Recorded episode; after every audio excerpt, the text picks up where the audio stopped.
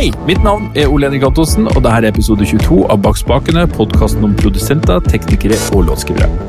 Denne ukens gjest er Thomas Kongshavn, som i likhet med Ole Torjus og Lars Horntvedt i de to foregående episodene også er nominert som årets produsent til Spellemannprisen. Thomas er særlig kjent for sine samarbeid med Karpe, Dagny og Emilie Nicolas, og det skal du snart få høre mer om. Før det så skal vi snakke litt om Skjør-mikrofoner. Rettere sagt Skjør SM7B og den nye MV7. Skjør SM7B er virkelig en klassiker, både til musikkinnspilling og i kringkasting.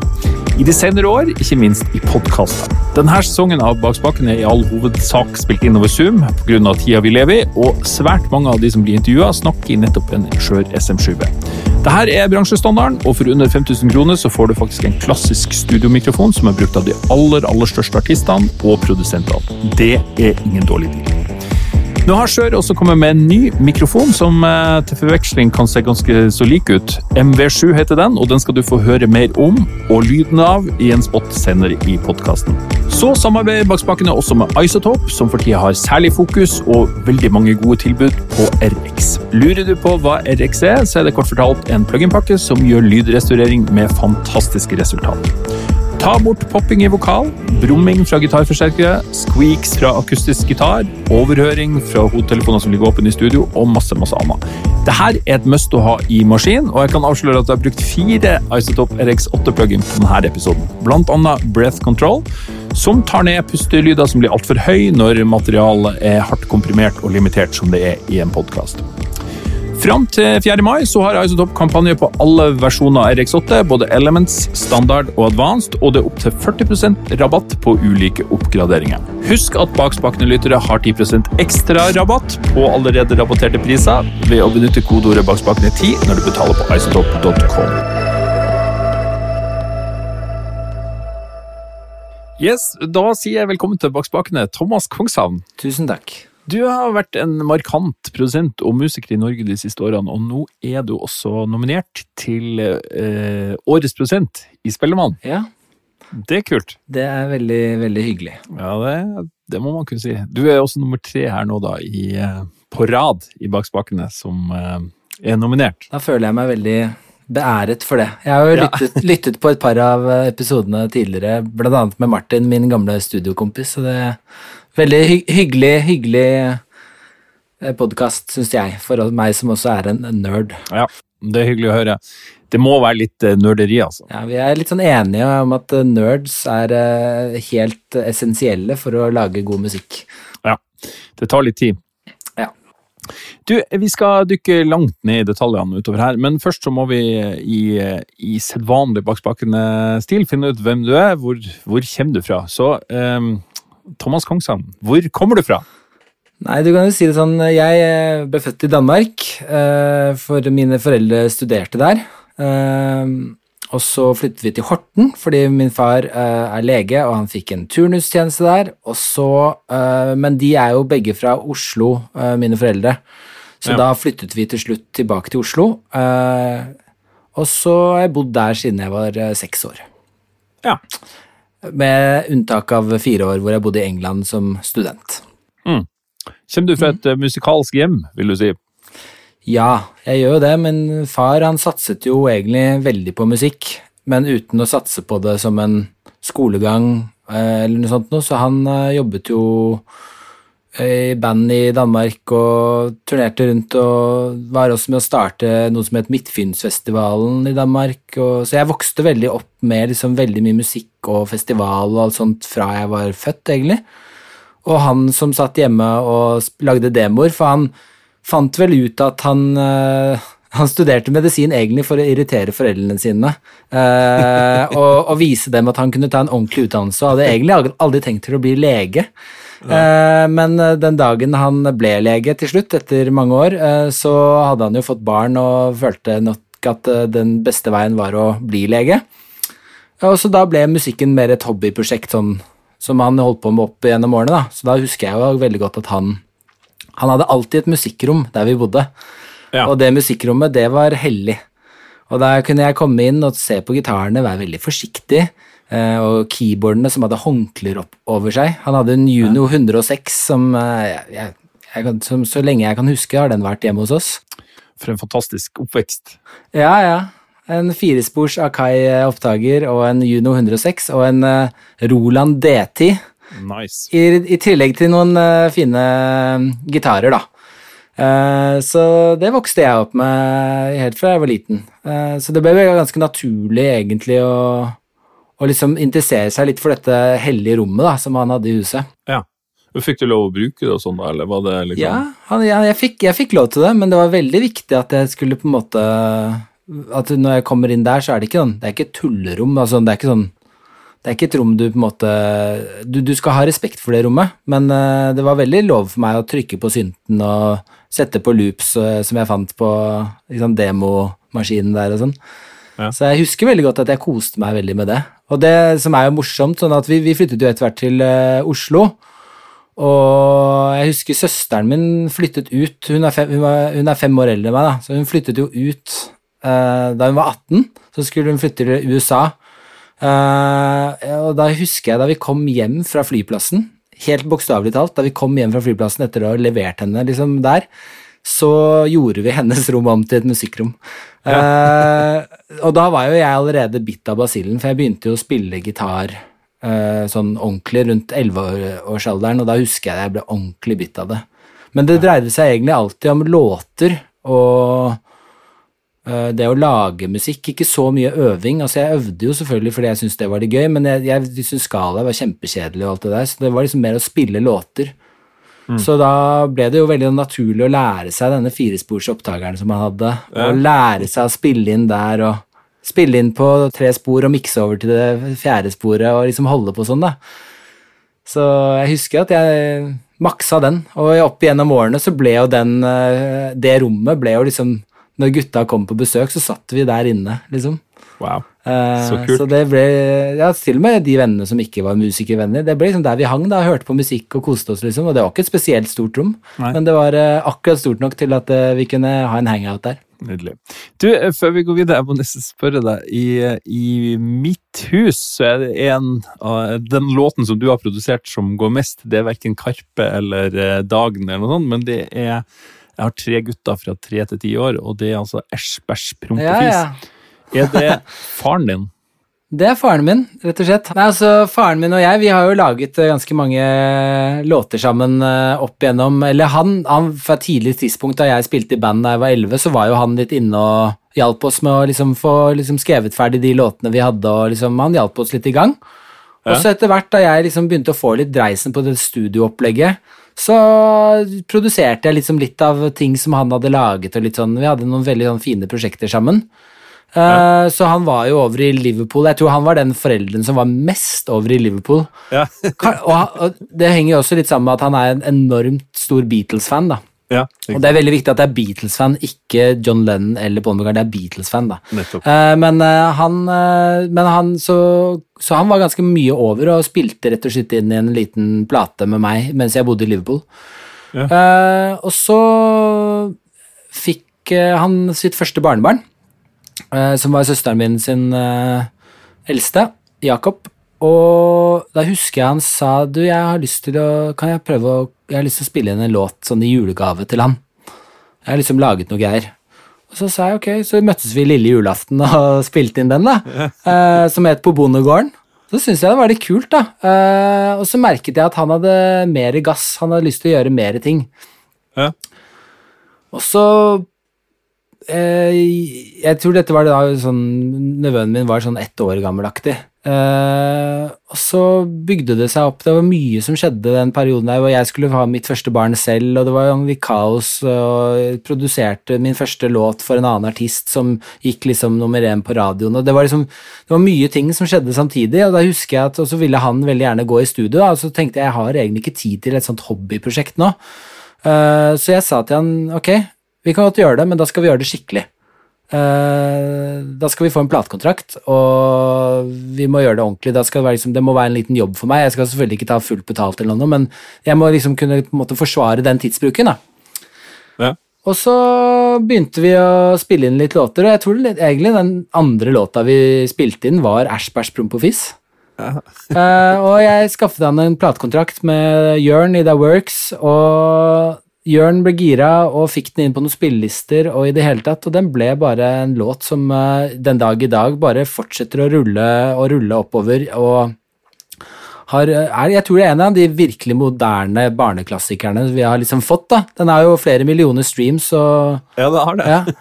det, det er- Så i etterkant av det så har vi jo liksom Jeg fikk jo med hele bandet, selvfølgelig Something Sally-bandet, eh, med på det. Med, med Eirik eh, sin bror, da, på, på bass, som uh, heter Snorre, og som også nå spiller bass i Karpe. Ja. Og en som heter Egil. Så vi, liksom, vi, vi tok med oss liksom uh, det gamle bandet der også, og koste oss uh, veldig med å spille den type musikk, da. Så vi driver fortsatt og vi holder på fortsatt å spille inn, og nå er vi liksom på tredjeplata, liksom. Ja. Uh, nå skal vi jobbe litt med Universal på den og sånn, så Ja. liksom. Så faren min fant den store liksom musikkgreia da han ble litt sånn eldre, kan du si, eller godt, godt opp i åra. Men det er en hyggelig ting å dele med han. Absolutt. Det er jo Mm. vakkert. Eh, videre i, eh, i tidslinja, du, gikk du på musikklinja og sånn, eller? Ja, jeg, altså jeg sto jo veldig aktivt slalåm uh, da jeg var ung, uh, og sto veldig mellom det å velge musikk eller slalåm, rett og slett, da jeg skulle begynne på gymnaset. Ja. Uh, og så mm, husker jeg veldig godt at eh, jeg vurderte slalåmlinja, og så sa jeg ok, hvis jeg kommer inn på den vanskeligste slalåmlinja, da skal jeg begynne der. Hvis ikke, så blir det musikk.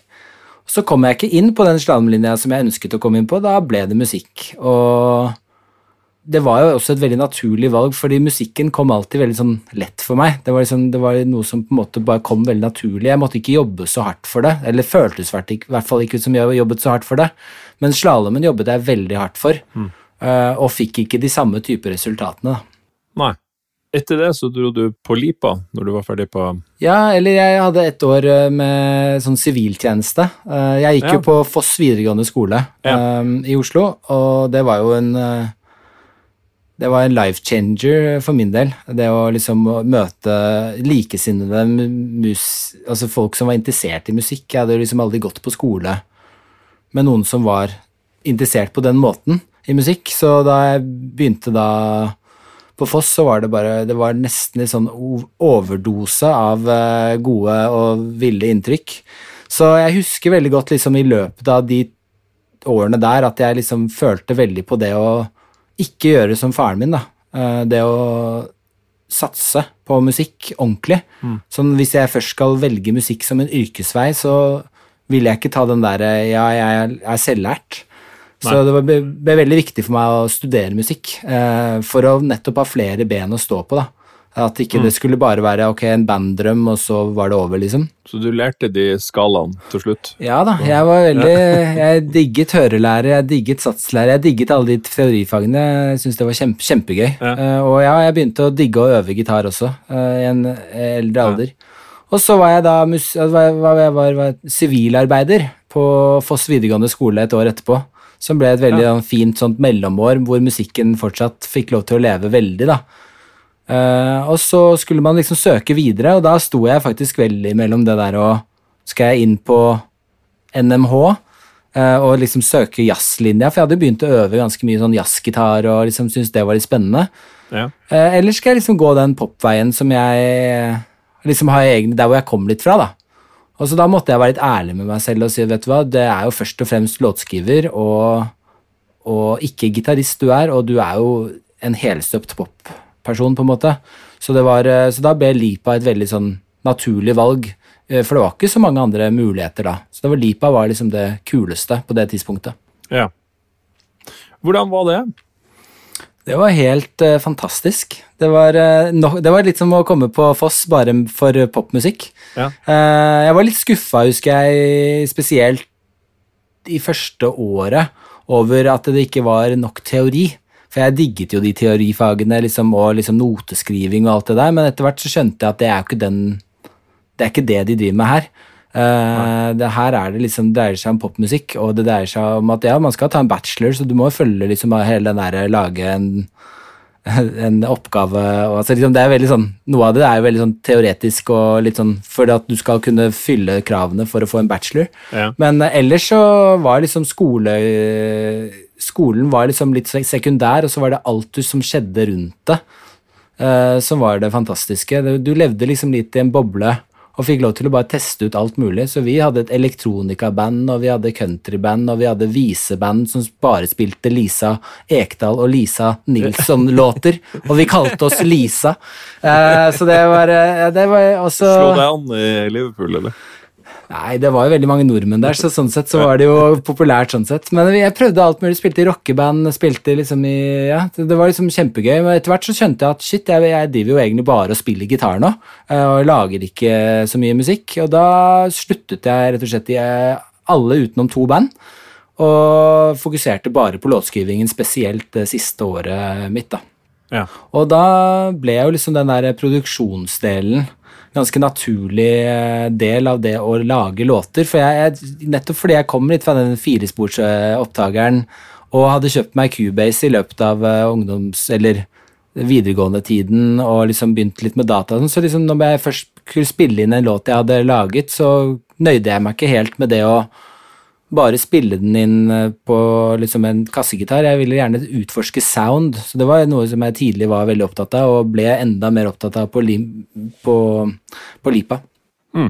Mm. De, de, bandene du hadde, Something Sally-band og sånn, var det på Lipa det ble til, eller? Ja, det var faktisk allerede da jeg gikk på Foss. Det var allerede når du gikk på Foss? ok. Ja, vi begynte førsteklasse første klasse Foss, så lagde vi et band som vi kalte Enten eller og enten eller uh, skulle kunne få lov til å drive med pop og jazz. Uh, for det var liksom litt sånn middelveien, så jeg spilte jo de, Det var en som heter Bendy Giske som spilte i det bandet, som ja. er jo kjempeflink saksofonist. Det var ja, en som heter Kristoffer Kristoffer Albert, som er også en super uh, jazz-saksofonist. og Uh, det var Marius Gjersø på trompet, og det var uh, Ja, så var det resten av bandet var jo stort sett uh, da Something Sally, da, som det endte opp med å bli. Eh, så da vi ja. søkte oss inn på Lipa, så var vi fire stykker fra bandet som rett og slett søkte oss inn samtidig. Ja. Uh, og så fortsatte vi det bandet der litt sånn litt av og på, men det spesielt mot det siste slutten av Lipa så fokuserte vi ekstremt mye på det bandet. Og da ble, gikk vi også over til å kalle oss etter hvert Something Sally, da. Ja. Så det var det ene bandet, og det andre bandet het Ishkobar. Uh, og Ishkobar var et rockeband som også hadde mye sånn uh, positiv vind i seilene, men uh, det ble liksom Sally jeg valgte, da. Uh, ja, og Ishkobar ble senere til det som som heter St. Lucia i dag, som er New York-basert indie-band. Ah, mm. Kult. Du yes. kunne vært i New York. Det kunne, det kunne jeg vært, men det, ja. det er jeg jo ikke, da. Nei. Og det er helt greit. Det er helt greit. Det er helt greit. Du, eh, eh, Something Sally, eh, dere gjorde en låt med Joss Stone. Hvordan gikk det til? Nei, altså, vi, vi kom jo tilbake fra Lipa Eller vi ble faktisk et år ekstra i Liverpool etter vi hadde gått uh, på Lipa. Og da bare spilte vi eh, på puber og alt mulig sånn. I England så er det liksom litt greit å være et coverband og et originalband samtidig. Det var, liksom, det var litt høyere terskel for at det eller det var liksom lavere terskel kan du si, for at man kunne liksom blande musikk. Mm. Så på den måten så klarte vi å tjene nok penger i uka til å betale husleie, og så jobbet vi veldig med vår egen musikk. Ja. Og det var det også da MySpace ble ganske populært. Ja, ja, eh, og da, i løpet av det året, så var det en eh, amerikaner fra LA som tok kontakt da, og sa hei, jeg har hørt på musikken deres og syns det er dritkult, og kunne dere tenke dere å ta en prat, liksom. Så tok vi en prat med han. Han var uh, turnémanager for en del forskjellige artister, og da blant annet Just Stone. Ja. Og så var han uh, på Han hadde en artist på Nobels fredspris i 2007, kanskje. Uh, eller 2006. Og så møtte vi han, og så husker jeg han bare dro opp liksom uh, notatblokka og bare ok, hvilke sponsorer har dere lyst på? Liksom, ok, du spiller på Fender, ja. Fiks. Han var så veldig sånn store ord, da. Det var han typisk amerikaner. Og så ja. tenkte vi bare ja, ja, det, go with the flow. Og så hørte vi plutselig ikke noe mer fra han i det hele tatt. Uh, dette var, ja, det var 2006. Og så inntil uh, sommeren 2007, og da hadde vi alle tatt ferie og var ganske slitne og sånn, ja, kanskje på et sånt derre Hadde jobbet veldig hardt med bandet, men ikke helt fått den forløsningen vi Ja, det, det var, vi var slitne, kanskje. Ja. Så vi kom oss på den, en etterlengtet ferie. Og etter liksom en vill tur med dårlig charterselskap, så ligger vi da på stranda, eh, jeg og vokalisten, da, som jeg også er da samboer med i dag. Ja. Uh, og vi har vært sammen siden Foss, vi også. Så det, eh, ja, Spilte i band og vært sammen i over 20 år, så det er jo fint. ja. Men uh, vi har overlevd det. Men, uh, så det er Sally, da. Eh, men så ligger vi da på stranda, og så ringer telefonen, og så bare Hi, this is Paul Spriggs.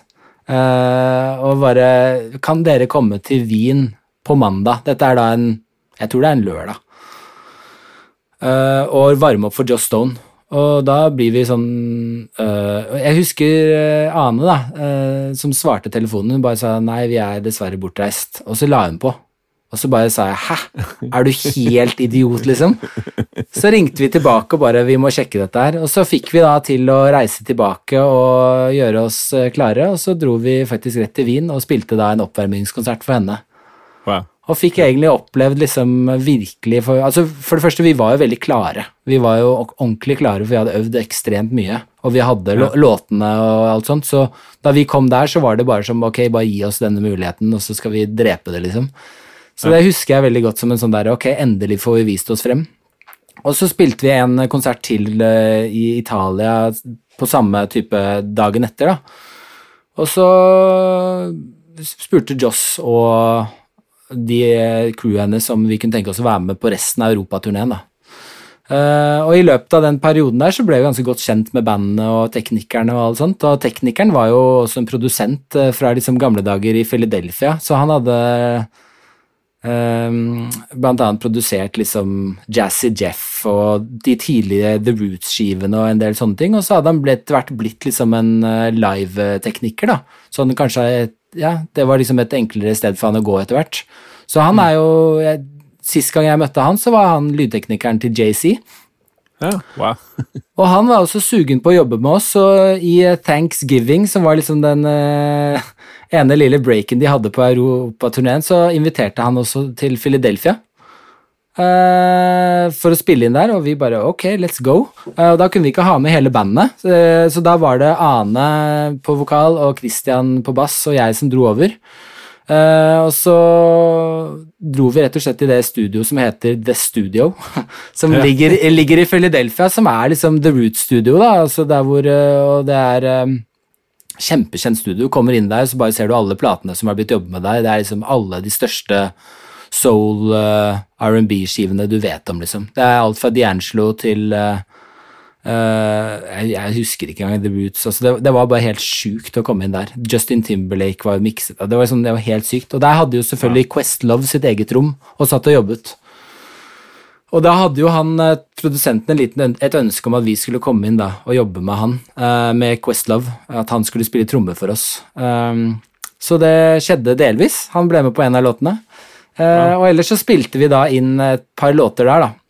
Eh, og da vi kom eh, Og så ble Joss rett og slett med på den ene låta.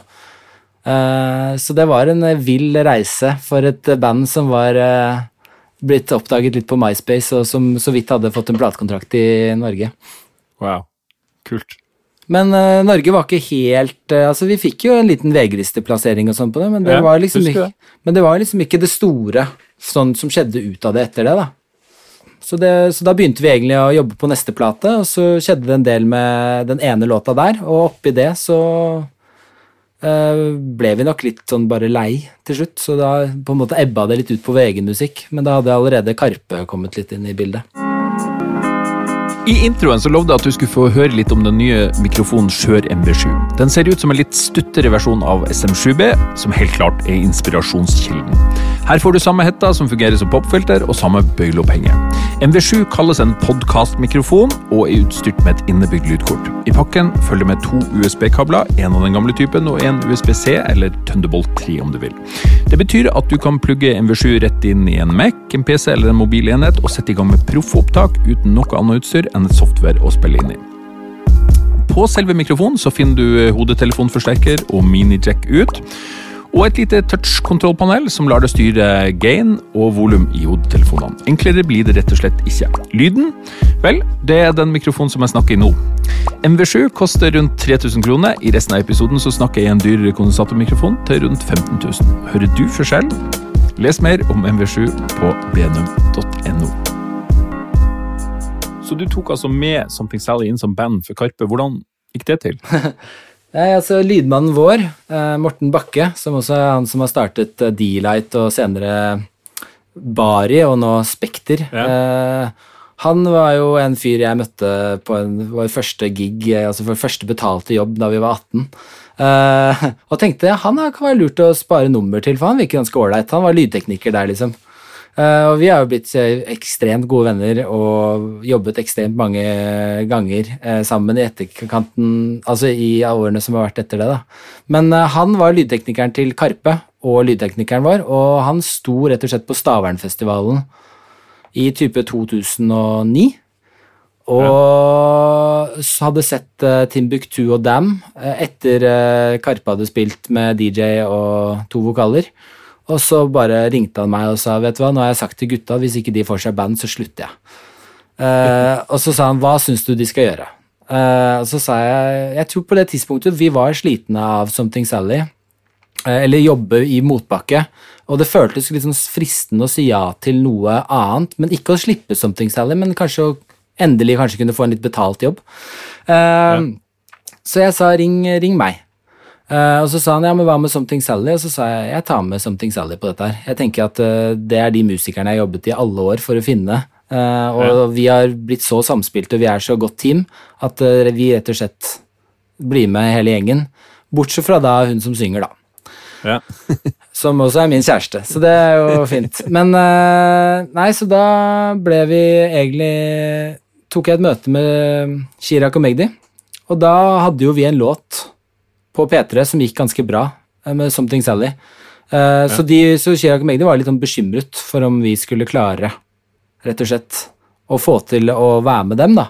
Så sa jeg at Ja. men vi kan ikke ta liksom sorgene på forskudd, vi må jo på en måte uh, teste. Vi vet jo ikke om det går noen vei videre. Så vi ble bare enige om at hvis vi må forsvinne, så får vi bare rydde opp etter oss, på en måte. Ja. Men uh, da begynte vi å spille med Karpe, og jeg liksom tror liksom fra første konsert hvor vi spilte, så bare smalt det. Det var liksom Ja. Vi gjorde en sånn oppvarmingsrunde for Nio, Uh, hvor uh, den ene jobben var i Spektrum, og da husker jeg liksom hun som hadde slaktet Something Sally. Eh, sin debutplate eh, ga oss terningkast seks, og bare dette her er jo helt Wow. fantastisk. Hvem var det? Uh, det var Sigrid Hvitsten. Ja. uh, man, man, glemmer, man glemmer aldri sånt. det, det, det er noe der. Så ja. Hadde du noe forhold til hiphop fra før? Jeg gikk i klasse med Admiral P. Ja. Så han hadde jo gitt meg en del Faktisk, det er helt sant. Det er han som egentlig introduserte meg til hiphop. Han liksom Jeg husker til uh, min bursdag eh, liksom i 14-årsdagen eller noe, så fikk jeg liksom en Tupac-CD, All Eyes On Me, og Bone Thugs and Harmony, og en Cypress Hill-CD, tror jeg. Og det var omtrent det jeg hadde forhold til. Og så likte jeg også Snoop Dogg. Og det dreide seg mye om beatsen, at jeg likte liksom når det var litt sånn groovy beats. Ja. Eh, men nei, jeg hadde ikke mye forhold til hiphop. Det skal jeg være ærlig å si. Men jeg, hadde, jeg husker jeg hadde sett Karpe en gang for mange år siden, eh, og tenkt liksom at dette hadde vært jævlig kult med band. Og så likte jeg melodiene deres, jeg likte tekstene. Uh, så så jeg, jeg husker jeg hadde liksom på en måte lagt merke til dem og tenkte at dette kunne vært ja, Det var et kult band, liksom. Eller kul musikk. Men utover det, nei. Det var veldig nytt med hiphop. Så vi, vi gikk jo liksom Vi startet jo med å jobbe med det bare liksom ut ifra det og liksom Ja, hva, hva gjør vi her? Eh, vi får bare spille den låta, liksom finne litt ut av tracksen og alt sånt. Og liksom gikk litt bare på magefølelse. Ja. Og så var det jo det som var den riktige oppskriften, på en måte. Vi visste jo ikke hva som var riktig, men det bare smalt allikevel. Hva, hva ble da din rolle inn i Du var liksom musikalsk leder, da, eller? Ja, jeg fikk jo liksom bandlederrollen, altså, fordi Chirag Ja. og Magdi de var jo sånn der helt sånn eh, Altså, de kunne ingenting i, om musikk, på en måte, så det var liksom det var, De var eh, Så jeg fikk tidlig, ganske sånn tydelig en sånn ganske ledende bandrolle, og det hadde jeg også fra Something Sally. Så, så det, jeg husker ganske sånn, I løpet av de første månedene med Chirag og Magdi så ble det til at man på en måte påvirket allerede musikken eh, deres. Vi liksom, I en forlengelse av det som heter Bydur i dur, eh, låta som heter Bydur i dur, som var fra den første skiva der, eh, så, så hadde vi laget et liveparti med bandet som vi spilte inn, og den kom med på musikkvideoen. og sånn, Så liksom ganske tidlig så var man inne og påvirket musikken. da. Mm. Lagde strykearrangementer, korarrangementer, fordi vi hadde lyst til å ha med oss stryk på noe greier, og kor på uh, noe annet. Altså, så det, det, ble liksom til at man på en måte bare brukte de kunnskapene man hadde. Uh, og, så, mm. og, så, traff alt veldig bra. Eller sånn ja. det, det, bare var ikke sånn Det var, det var sånn litt sånn samarbeid som var meant to be, bare. Mm. Mm. Uh, og når var det dere kom inn? Var det til den Aldri solgt en løgn. Ja, nettopp. Mm. Den ble sluppet i 2010. Ja, nettopp. Mm. Eh, og de hadde jo på Kors på halsen til Kniverete, mor og far i døden, så hadde de de svenske um, produsentene Asma and Rockwell. Det, det stemmer, det. Vi, altså, det. De produserte jo også store deler av Aldri solgt en løgn. Uh, ja. Det var liksom et par låter som var produsert av liksom uh, um, William uh, Altså ja. Nasty Cut, ja. og det var par, en, en, låt som var produsert av Tommy T, men resten var vel egentlig uh, Asma Rockwell på den skiva også. Uh, mm. Mens på den neste skiva, 'Kors på halsen, ti kniver i hjertet, mor og far i døden', uh, ja. da, hadde, ja, da hadde vi jo uh, spilt en ganske god turné sammen og blitt veldig varme i trøya sammen. Og da var de veldig gira på at bandene var involvert litt i skiva. Ja. så da husker jeg at vi hadde en øvelse hvor vi skulle bare liksom jamme og jeg følte på meg at liksom den jammen der uh, den Kanskje det kan være greit å ha med noen notater til den jammen, så jeg, jeg jeg spilte inn sånn tolv skisser uh, for meg selv som jeg tok med på jammen, sånn for å bare ha noe, et, et utgangspunkt. da. Sånn typisk meg, som kommer fra liksom låtskriver- og bandlederbakgrunn. Uh, og den ene jammen der, det var liksom noe som lignet veldig på en sånn Veronica Maggio, sånn der det er Litt sånn der. Og uh, veldig fin eh, jam. Men den ene låta Og da husker jeg Chirag løp i det, bare fikk en kjempemelodi i det og var helt su superivrig. Uh, og så tenkte vi ikke så mye mer over det. Jeg bare gikk litt videre. Og så et halvt år etterpå, eller noen måneder etterpå, så bare hører jeg liksom bare da er det, det er spist din syvende sans. Bare, Hva er dette her for noe? Dette her kjenner jeg veldig igjen. Og så spurte jeg Chirag hva er dette Ja, det var den jammen. Uh, så hadde de laget en helt annen versjon av den, den som vi kjenner i dag, men det var liksom akkurat de samme akkordene, samme toneart som vi hadde på den, eller jeg hadde med meg, da. Ja. Uh, som vi jammet på, som gjorde at Chirag fikk rett og slett uh, Ja, den planen for deg du, ja, det, Hele det refrenget, da. Ja. Så det var liksom første låta som vi på en måte ble delaktig i på den skiva. Uh, og med Karpe noensinne. Uh, og så var, det en, så var vi i Stockholm en runde, og da jammet vi en annen låt, og så ble det til det som heter nå Porselen. da. Uh, så vi hadde, vi hadde, liksom to låter på den skiva vi var med på. Og var med å spille på den bonusversjonen til Maria Mena, eller til, av Påfugl da, med Maria Mena, ja. som var også noe vi spilte inn i Propeller i Oslo. Ja, så vi begynte sånn sakte, men sikkert å bli med, da. Men nå på Heisan Montebello, da var, da var, du virkelig med? Eller da, da på alle sangene? Ja, fordi det som skjedde med Asma Rockwell, var jo egentlig at de tok jo helt av. Eh, de, eh, det var liksom Statene, det var Maroon 5, det var uh, Hva var det ikke? Altså, det var Madonna. De, de, begynte virkelig å jobbe på kjempe, en kjempe liksom, De hadde en kjemperull, da. Så de hadde rett og slett ikke tid til å produsere neste plate til Karpe. Og da begynte Karpe å se seg litt om etter andre produsenter, og begynte å jobbe med en produsent som heter Cords i Stockholm. Uh, og gjorde en del greier, men de tror de Chirag og Magdi ringte meg og bare et, vi, vi, trodde at han skulle sende oss en uh, miks, og det, han sier det er miks, men for oss så låter det helt ut som en demo. Og de var veldig uenige om hva som var uh, hvor langt det var på vei, da.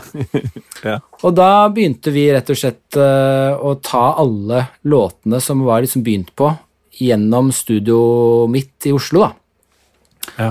Og da ble keyboardisten i bandet, Eirik, også med på det som en musiker, og så var jeg som en produsent. Så begynte vi å touche inn på alle låtene, og, og liksom begynte å gjøre ting, og så ble man bare mer og mer med på den plata. Uh, så fra liksom sånn type la oss si sånn som Hvite menn som pusher 50, hvor vi har gjort et pålegg. Absolutt et pålegg. Det var en bit som lå i bunnen der, men vi har laget et, en, eh, et krydder oppå, på en måte. Og spilte inn Emilie Nicolas-delen. Så ble liksom eh, den skiva Nei, den, den låta ble liksom banna litt opp, da, eller sånn organ, uh, fikk litt organiske elementer fra oss. Mm. Uh, så det er gøy å høre den første versjonen som var uten oss, og den var med, med oss. Det er liksom to veldig forskjellige verdener. Ja. Men det var liksom det minste vi kanskje gjorde på den plata, til, til uh, Rett i fòret, som er siste låta, som bare Eirik og jeg egentlig stort sett produserte, da. Ja. eller jeg produserte, og Eirik hadde det der klassiske riffet. Um, ja. Så, så det, liksom, det, det, bare blir mer og mer på en måte med den skiva der. Mm. Um, ja, så det er Kjempefin reise egentlig å være med på. Ja. Det ble jo vanvittig svært. Sånn, ellers, jeg var jo Spektrum og så dere uh, Var det 2017? Altså ja. de konsertene her inn i innerste sirkel. Eller, ja, ja. Grisebingen. Grisebingen, ja. ja. det var ganske Nei, det har vært en uh, fantastisk reise å være med på. Man føler jo veldig at man eier det produktet, fordi det er Something Sally som ble med etter hvert, og, mm. og etter hvert så begynte vi å produsere låtene og mer og mer, liksom. Altså, Gunerius var jo egentlig en låt som Magdi uh, hadde skrevet melodien til uten noe komp for første gang. Så hadde han en melodi som Han pleide jo alltid å skrive til et track, mm. men da hadde han en melodi som var veldig sånn tydelig med denne teksten. Uh, og så ringte han meg og spurte kan du prøve å sette på noen akkorder her, for jeg liksom lurer på om det funker. på en måte. Og så jeg, spilte jeg noen akkorder på gitaren, og så sendte jeg til han, og så ble jo det akkordene på låta. og liksom, ja. Det, sånn, det var en sånn veldig sånn fin uh, tid. Mm. Mm. Og så ble det jo ei plate til etter det. Ja, så Gjennom denne Heisa Montebello så hadde vi jo liksom brukt veldig mye tid eh, på å lage uh, et sound sammen. Og de ville jo veldig gjerne ha med meg videre, men de hadde også jobbet sånn litt parallelt eh, etterkant av Heisa Montebello, slutten av Heisa Montebello, så hadde de jobbet med dette Mars-prosjektet sitt eh, sammen med Unge Ferrari og eh, Arif. Um, og da hadde de blitt kjent med en produsent som heter Axe, ja. uh, og fått en veldig god feeling med han. Så de begynte med sånn skriveturer med han. og bare, de, han, har, han, har, en måte å jobbe på som er veldig mye mer sånn freestyle-måte hvor man eh, som ikke de var helt vant til. Det å bare gå på mikken og teste ut med en gang, ja. før, du har, før, du har, tekst. De var jo veldig vant til å bare sitte og skrive, skrive, skrive helt til der sitter den, og så gikk de på mikken. Ja. Uh, men, for dem, men det å møte med Ax og bare liksom få lov til å leve uh, med liksom skissen fra starten av, og liksom, så det var, tror jeg de fikk litt sånn Rett og slett litt sånn uh, en rus av. det var en ja. god liksom skriverus. Eh, så de begynte å jobbe sånn, men så skjønte de eh, at De visste at jeg skulle være en del av den plata, men man visste ikke helt hva. Eh, men så hadde de gjort en del skisser og sånn, og så stoppet det litt opp også. Og så hadde vi noen sessions i studio i Oslo hos meg, med Ax og meg og med Eirik og litt forskjellig, og så, var det bare, så bare falt liksom ting litt mer på plass liksom, da fikk man liksom litt av den Karpe-soundet som vi hadde bygget litt opp med Heisa Montebello, litt sånn sammen med Axe sin måte å jobbe på og sånn. Og så ble det ganske mye jobbing etter det, uh, inn i et ganske spesielt prosjekt. Uh, men uh, veldig sånn fin reise, det også. Mm. Mm det er vel den lengste låten uh, i gåse som har toppa VG-lista. Ja, det må man si. Men det var, det var jo en uh, vill uh, Altså, litt av bakgrunnen for den tanken der var jo det å liksom Vi sto utenfor et sånt forlatt CD-stativ, jeg og Chirag, husker jeg, i et studio ute i White Room. Ja. Det var sånn ordentlig forlatt på, på den, den gråe gangen. Altså det, det, så så trist ut, da. Ja. uh, så sto vi og så på det CD-stativet og tenkte bare hva, hva, Hvordan skal vi få liksom eh, barn i dag til å liksom skjønne det vi har liksom denne Åpne en CD og lese hele coveret og bukletten og det greiene der. Liksom det, det, mister jo barn i dag. Mm. Uh, og hvordan kan vi liksom klare å få dem til å gjøre det. Og da, vi var jo allerede langt inn i en prosess med Vi bare hadde ikke funnet akkurat hvordan vi skulle gjøre det. Men jeg husker det var liksom en sånn, liksom starten på det, liksom at ja, men kanskje vi kan liksom Kanskje vi kan sy sammen alt dette her. Eh, så det blir en, eh, en, rød tråd, og da plutselig falt hele det albumet veldig på plass. For man slet litt med å finne liksom innganger og utganger og alt sånt, så plutselig når vi liksom lagde det til én sammenhengende pølse, ja. så føltes det bare ut som ok, dette var jo akkurat det vi skulle gjøre. Uh, og Spotify prøvde jo å advare oss, og dere var klar over at dere mister penger på dette her. Vi, er det 30 sekunder. er det en ting Chirag og Magdi ikke er enig, er opptatt av, så er det liksom penger over kunst. da. Det skal alltid være den beste ideen, og ikke økonomisk motivert. Så, så, det var en Jeg husker da vi liksom leverte den miksen, så det var Jeg husker Ax var ganske sliten, og jeg tror Chirag også var ganske sliten, men jeg og Magdi vi var så gira. Vi bare, fy søren, Jeg kunne jobbe de tre måneder til med dette. Jeg syntes det var så gøy. Å, la, å jobbe med bare liksom hele den derre uh, Den sammensetningen, da. Uh, og liksom Det ble så spennende med overganger og liksom låter som gikk inn i hverandre og Eller Ja, for det er jo flere låter der, men alt ja. ja. Nei, så det var veldig, veldig gøyal prosess. Det er et innspill i albumformat-debatten. Ja. Det var jo et lite innspill. Jeg vet ikke om det kan Om det, om, om det tar med seg så mange flere. Men uh, det var noe, det var noe vi, som, vi som valgte å gjøre det. Tror du albumet er dødt for godt, eller tror du det kommer altså som, som konsept? Tror du det kommer tilbake som kunstform? Jeg håper jo det, for det er det jeg lever litt etter. da. Jeg lever litt etter det at på en måte musikk ikke Altså, jeg er jeg, du, Hvis du spør meg hva er din favorittartist, så er det liksom ikke Jeg vil fort si Uh, ja, favorittartist, jeg vet ikke. Jeg har mange låter Jeg, jeg er ganske låtbasert. Uh, men allikevel så syns jeg liksom det der å høre noe som på en måte henger sammen med i en pakke, uh, er veldig noe jeg setter veldig pris på, noe jeg på en måte syns bygger artistkarriere, bygger publikumsrelasjon med en artist, bygger mystikk, bygger det er, så, det er, så, mye dybde i det, og med en gang det bare er låtbasert, så syns jeg liksom det forsvinner en ganske viktig del av det jeg kanskje syns er viktig med musikk, da. Så mm. jeg, jeg, håper ikke at det forsvinner helt, jeg håper vi finner måter å, å på en måte få alt dette til å høre sammen på, men eh, det er vanskelig å si. Mm. Ja. Jeg håper at uh, generasjon X uh, får seg en liten sånn derre Altså, hvis du bare går og hører på de gamle platene, liksom. Det er en forskjell, på en måte, og den forskjellen Det er noe vi burde ta med oss videre av de gamle tingene også. Mm. Helt enig. Eh, apropos album, det er vel to album særlig ja. som gjør at du er nominert som årets produsent nå under Spellemann, og det ene er um, Dagny, mm. 'Strangers Lovers'. Hvordan kom det samarbeidet i stand? Nei, Dagny var egentlig Jeg og Martin Sjøli vi skulle produsere en låt for henne. Vi skulle i hvert fall teste å produsere en låt for henne, var det vel det som var greia. Uh, I 2017, kanskje. Uh, og så falt det bare litt sånn bort, uh, rett og slett. men ut av det så hadde jeg liksom fått en liten kontakt med henne, og så var jeg gitarvikar for henne den sommeren. Så vi fikk ganske sånn en god, et godt samarbeid, både jeg med bandmusikerne og med henne, og vi fikk liksom en, en veldig sånn naturlig kjemi. Uh, og så begynte jeg å spille litt mer med henne, og jeg produserte en låt for henne som egentlig aldri ble utgitt, fordi da, da hun var midt mellom uh, plateselskaper. Ja. Uh, så det liksom ble en sånn låt som aldri skjedde, egentlig.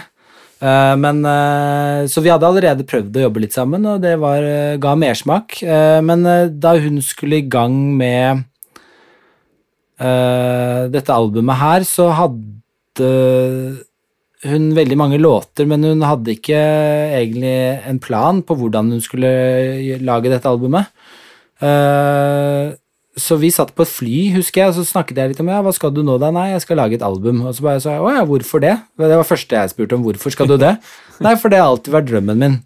Ok, ja, ok, men har du liksom låter som passer sammen på et album og sånn? Ja, hun mente hun kunne ha det, og så begynte vi å se litt på hvilke låter hun hadde, og så ganske fort Jeg var på en flytur, faktisk, så, så klarte vi liksom å lage Så jeg mener ideen kanskje kom litt for meg, men det er liksom å lage det til todelt album, så det ikke var liksom ett album. Jeg kanskje lette litt etter et konsept, og syntes det var vanskelig med uh, de låtene som var der, å se bare ett uh, album i en helhet. Uh, så, men en gang vi delte det i to, så bare å ja, men da kan vi lage den der hjertedelen og den brutte hjertedelen, den liksom broken heart-delen. Og så husker jeg vi snakket og hadde mange gode samtaler. Akkurat den flyturen var litt sånn essensiell. Og så spilte vi litt den sommeren, og så spurte hun ganske sånn snart etterpå liksom, om jeg kunne tenke meg å være med og produsere albumet. Da. For hun hadde jo jobbet med veldig mange forskjellige produsenter. Men uh, det er noe med det at skal du lage et album, så må du samle det. på en måte. Må, det må høres ut ja. som et album, og det må på en måte komme hjem på en måte til et studio og til uh, henne, og noe som vi kan kna litt på sammen på, sånn at det ikke bare føles ut som en tilfeldig sammensatt låtliste. Mm. Ja, ikke, sant. Men, men, hva gjorde du da? For at uh, når man ser på, på, credits der, så er det jo det er jo noen ting som du har produsert alene eller sammen med andre, men det er også en del sånn meritterte folk uh, fra hele verden, egentlig, ja, ja. eller rundt omkring. Det ble jo til at jeg ble en eksekutiv produsent, som vi kalte det. da. Så jeg hadde liksom overordnet uh, ansvar for hele albumet. Uh, og det ville si liksom å få ting til miks, få ting ferdigprodusert, få ting uh, liksom Finne ut av rekkefølge med henne, finne ut av ting og tang. Så da liksom var det egentlig å gå litt inn der det trengtes. Mm. Så liksom på for eksempel første låta, 'Come Over', og andre låta, 'Somebody', så var jo det låter som var produsert av andre. Men uh, jeg hadde i hvert fall en sånn sterk følelse på at uh, det ikke låt 100% det jeg i hvert fall forbandt med Dagny.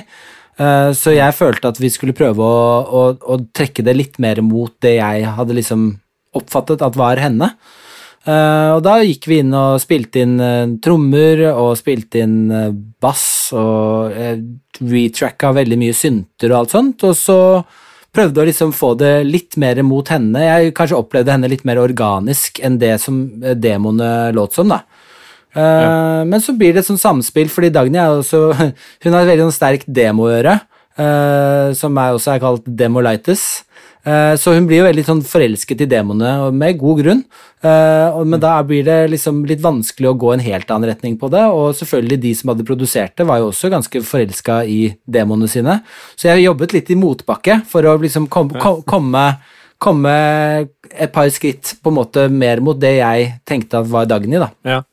Ja, hvordan, uh, det, hvordan, er det med sånn Cutfather og Jason Jill, og, altså sånne folk som har gjort en god del ting, da? Hvordan er det å komme til de og si hei, vi må Nei, Jason var kjempekul. Han er jo veldig sånn einstøing. Han jobber jo alene og veldig hyggelig fyr. Um, men der, der låt det ganske langt på vei allerede, syns jeg, sånn som jeg forbandt med Dagny. Han hadde jo produsert tidligere Dagny-låter også, så det, liksom, ja. det soundet hans forbinder man jo litt med Dagny. Uh. Men der hadde jeg noen gitarideer og litt sånn ting og tang, og så tok han med det som han likte, og, men den var ganske sånn han som sto for alene. Uh, der ble det egentlig mer at jeg og Dagny sparret mye på miks og og, liksom, og, så prøvde vi litt forskjellige ideer med han, men han var jo ganske sånn selvforsynt der. Mm. Uh, det samme gjelder jo de Cutfather-låtene også. at liksom, Der var det litt samme greia, at vi liksom hadde mye sånn miksnotater, uh, mye produksjonsnotater underveis for å komme i mål, men det ble veldig sånn frem og tilbake, hvor Dagny og jeg på en måte tok mye kontakt med dem, og så kanskje jeg Jeg husker jeg spilte inn et lite trommebrekk, for jeg tenkte at det, så ble det med, liksom. Altså det liksom.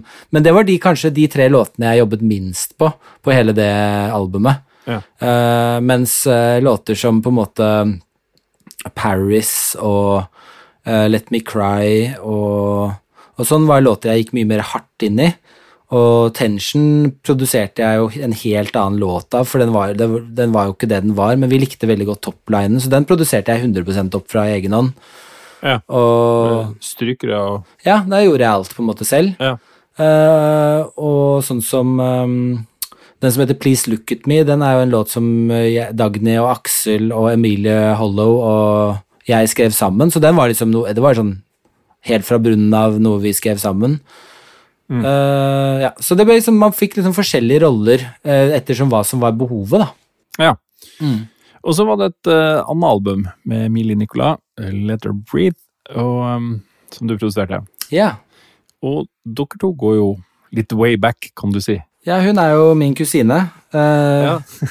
hennes mor er min, min fars storesøster. Ja. Så nei, vi har kjent hverandre siden vi var så små man kan bli. Uh, nei, så, men hun er jo fem år yngre, så hun var jo også liksom uh, ganske mye yngre enn meg da vi vokste opp. Så jeg husker veldig Ja. godt vi var på hytta, jeg og en kompis, som, eh, og vi var akkurat liksom Det var like før vi skulle begynne på Lipa, vi hadde veldig mye sånn Skal vi si tidlig 20-årsenergi. Eh, og hadde selvfølgelig med oss liksom en synt og gitarer og sånn opp på hytta, og liksom lagde et lite studio. Og da husker jeg Emilie var med på hytta og satt sånn bortgjemt i et hjørne der, litt sånn veldig, veldig stille. Eh, så, så vi hadde jo ikke så mye kontakt i de årene der. Eh, da var nok jeg storefetter Thomas, liksom. Eh, Men eh, etter hvert så gikk jo hun over til å liksom studere musikk, og liksom man begynte, Jeg begynte å følge henne en del på hva hun drev med, og det var kjempegøy. Og jeg husker veldig godt da hun på en måte Da denne Hva var det? Eh, de linkene kom ut på eh, Soundcloud, som ble liksom litt starten på hennes karriere. Da, da ringte hun mye og liksom var litt sånn fordi Vi hadde ikke nødvendigvis den samme musikksmaken, men hun hadde liksom kanskje behov for å spare litt på liksom eh, Det var jo ganske mange ting som var nytt for henne. Eh, Så vi fikk en ganske god kontakt de første årene der, og jeg spilte en del med han som heter Truls. Eh, Ja. Og vi spilte veldig mange sånn felles festivaler, og litt sånn, så vi, vi fikk liksom reist litt sammen og liksom fikk en god kontakt der allerede da. Eh, men det var liksom ikke før kanskje sånn på SAS pluss, SAS Pussy, at liksom hun kom inn i eh, studio. Vi hadde en dag sammen med henne i studio, Chirag Magdi og jeg og henne, hvor vi Ja. skulle liksom teste litt av låtene med henne og sånn, da. Og da tror jeg hun bare syntes det var så utrolig god stemning. Ja. Eh, og, liksom, og jeg tror hun var vant til at det var kanskje litt tyngre stemning da hun lagde musikk med sine musikere. Men her var det bare sånn utrolig sånn jovial og hyggelig stemning, og det var liksom bare og så allikevel så syns hun at den plata var bare helt fantastisk, så hun bare kan de lage en så fantastisk plate og ha det så hyggelig? Ja. så hun, eh, hun eh, ringte meg og spurte om jeg kunne tenke meg å produsere neste plate, litt basert på den følelsen, og det at Ja. hun syntes at det var veldig gode produkter jeg hadde levert, da. Ja. Og da var det jo egentlig planen at jeg skulle produsere den sammen med to andre. Eh, men liksom før vi egentlig kom i gang, så falt han ene av, uh, av forskjellige grunner. Og så begynte vi å jobbe liksom litt utover høsten, og da hadde jeg også sagt ja til Dagny-plata, litt basert på at vi var to som skulle produsere Emilie, og da liksom hadde jeg også tid til den Dagny-plata.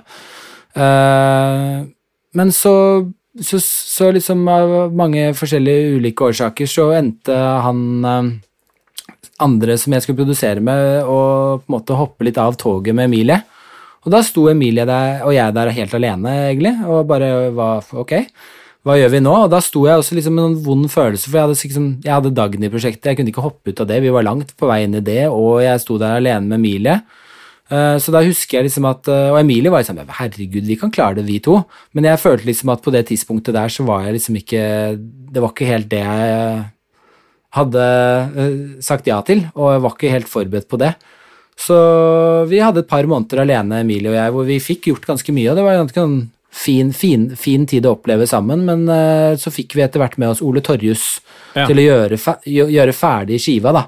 Så han kom inn mot slutten av januar og ble med liksom de siste to og en halv månedene da, på å gjøre ferdig skiva. Um, men det var en veldig veldig fin reise. Familien vår var jo bekymra for at eh, Emilie og jeg skulle At det ikke skulle funke. For det skal, skal det bli sånn dårlig familiestemning.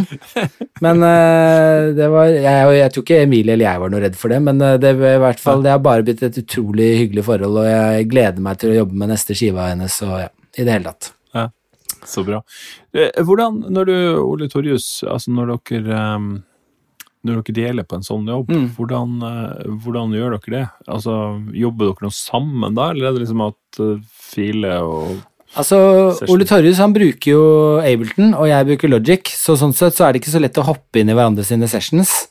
Uh, og Ole Torjus kommer jo da til et litt sånn uh, ferdig halvdekka bord, eh, og skal være med å dekke det ferdig, på en måte. Og på den måten så ble det nok kanskje litt en, Det var en ny situasjon fra han, som har vant, vært vant til å være med fra ting fra starten av. Så jeg tror han lett, lette en stund etter hvordan han skulle være, og jeg prøvde å gi dem litt tid alene. Husker jeg jeg satt og hadde en, en vill klippejobb på Vi hadde gjort ganske mye sånn perkusjonsopptak med en som heter Helge Nordbakken, så jeg hadde en sånn uke hvor jeg satt og klippet trommer. Uh, og da ga jeg rett og slett Emilie og Ole Torres litt alenetid, så de fikk liksom vokst seg litt sammen. Så de fikk gjort noe veldig fint og gjorde en låt sammen på skiva som ikke jeg var med på. Uh, og sånn da. Uh, men da det ble liksom til at man på en måte hoppet litt inn der man trengtes, tror jeg, for Ole Torres sin del. Og det jeg hadde veldig behov for, var de der friske øynene, da.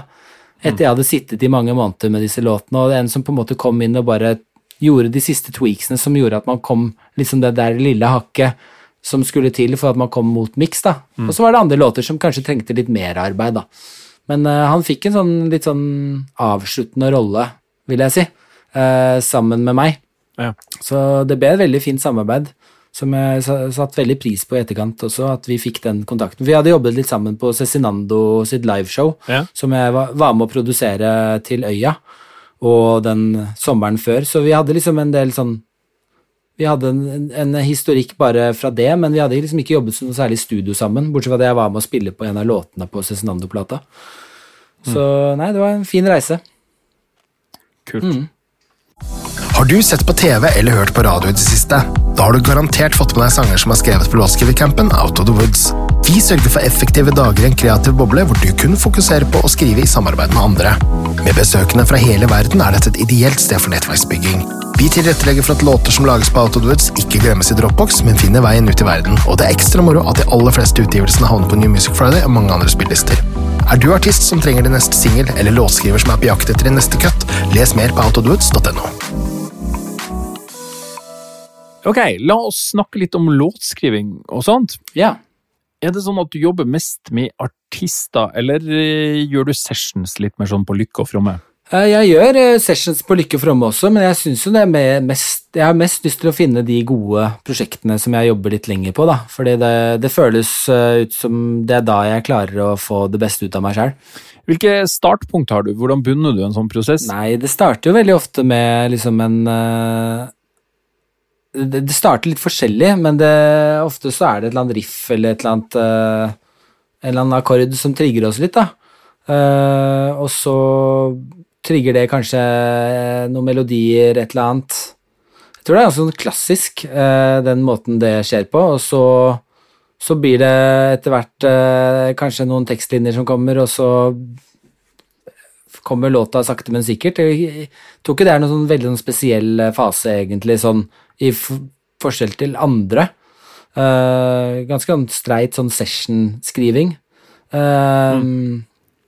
ja. Har du liksom idébanker, altså har du en notatblokk eller en eh, diktafon fullt av riff, eller er det bare som alltid gå inn og se hva som skjer? Jeg har jo hatt det veldig mye før, uh, og jeg husker det var jeg og en kompis som jobbet litt i produksjonsduo en del år. Vi hadde liksom en del sånn der Nå skal vi lage tracks ja. uh, for å ha tracks. Og de, vi følte de var dritfete tracks, men det skjedde liksom aldri en låt på de. Uh, det, men det ofte var en veldig god start i en session, bare som man lyttet på noe. Uh, det var ofte godt å høre på noen tracks for alle. Kanskje det bare tok litt av, av isen, altså av brodden, på en måte. Mm. sånn at liksom sessionen kunne bare Ok, da har i hvert fall noen sagt noe. Det er noe med det når man tar, er i en sånn session, og hvis noen bare kaster ut en idé, så er det sånn Ok, du sa det første, greit. Da liksom er i hvert fall noen sagt noe. Mm. Det, er liksom, det, er en sånn liten sånn eh, Et punkt hvor man på en måte Ok, er det noen som kan bryte stillheten, på en måte? Det er det jo alltid i en session.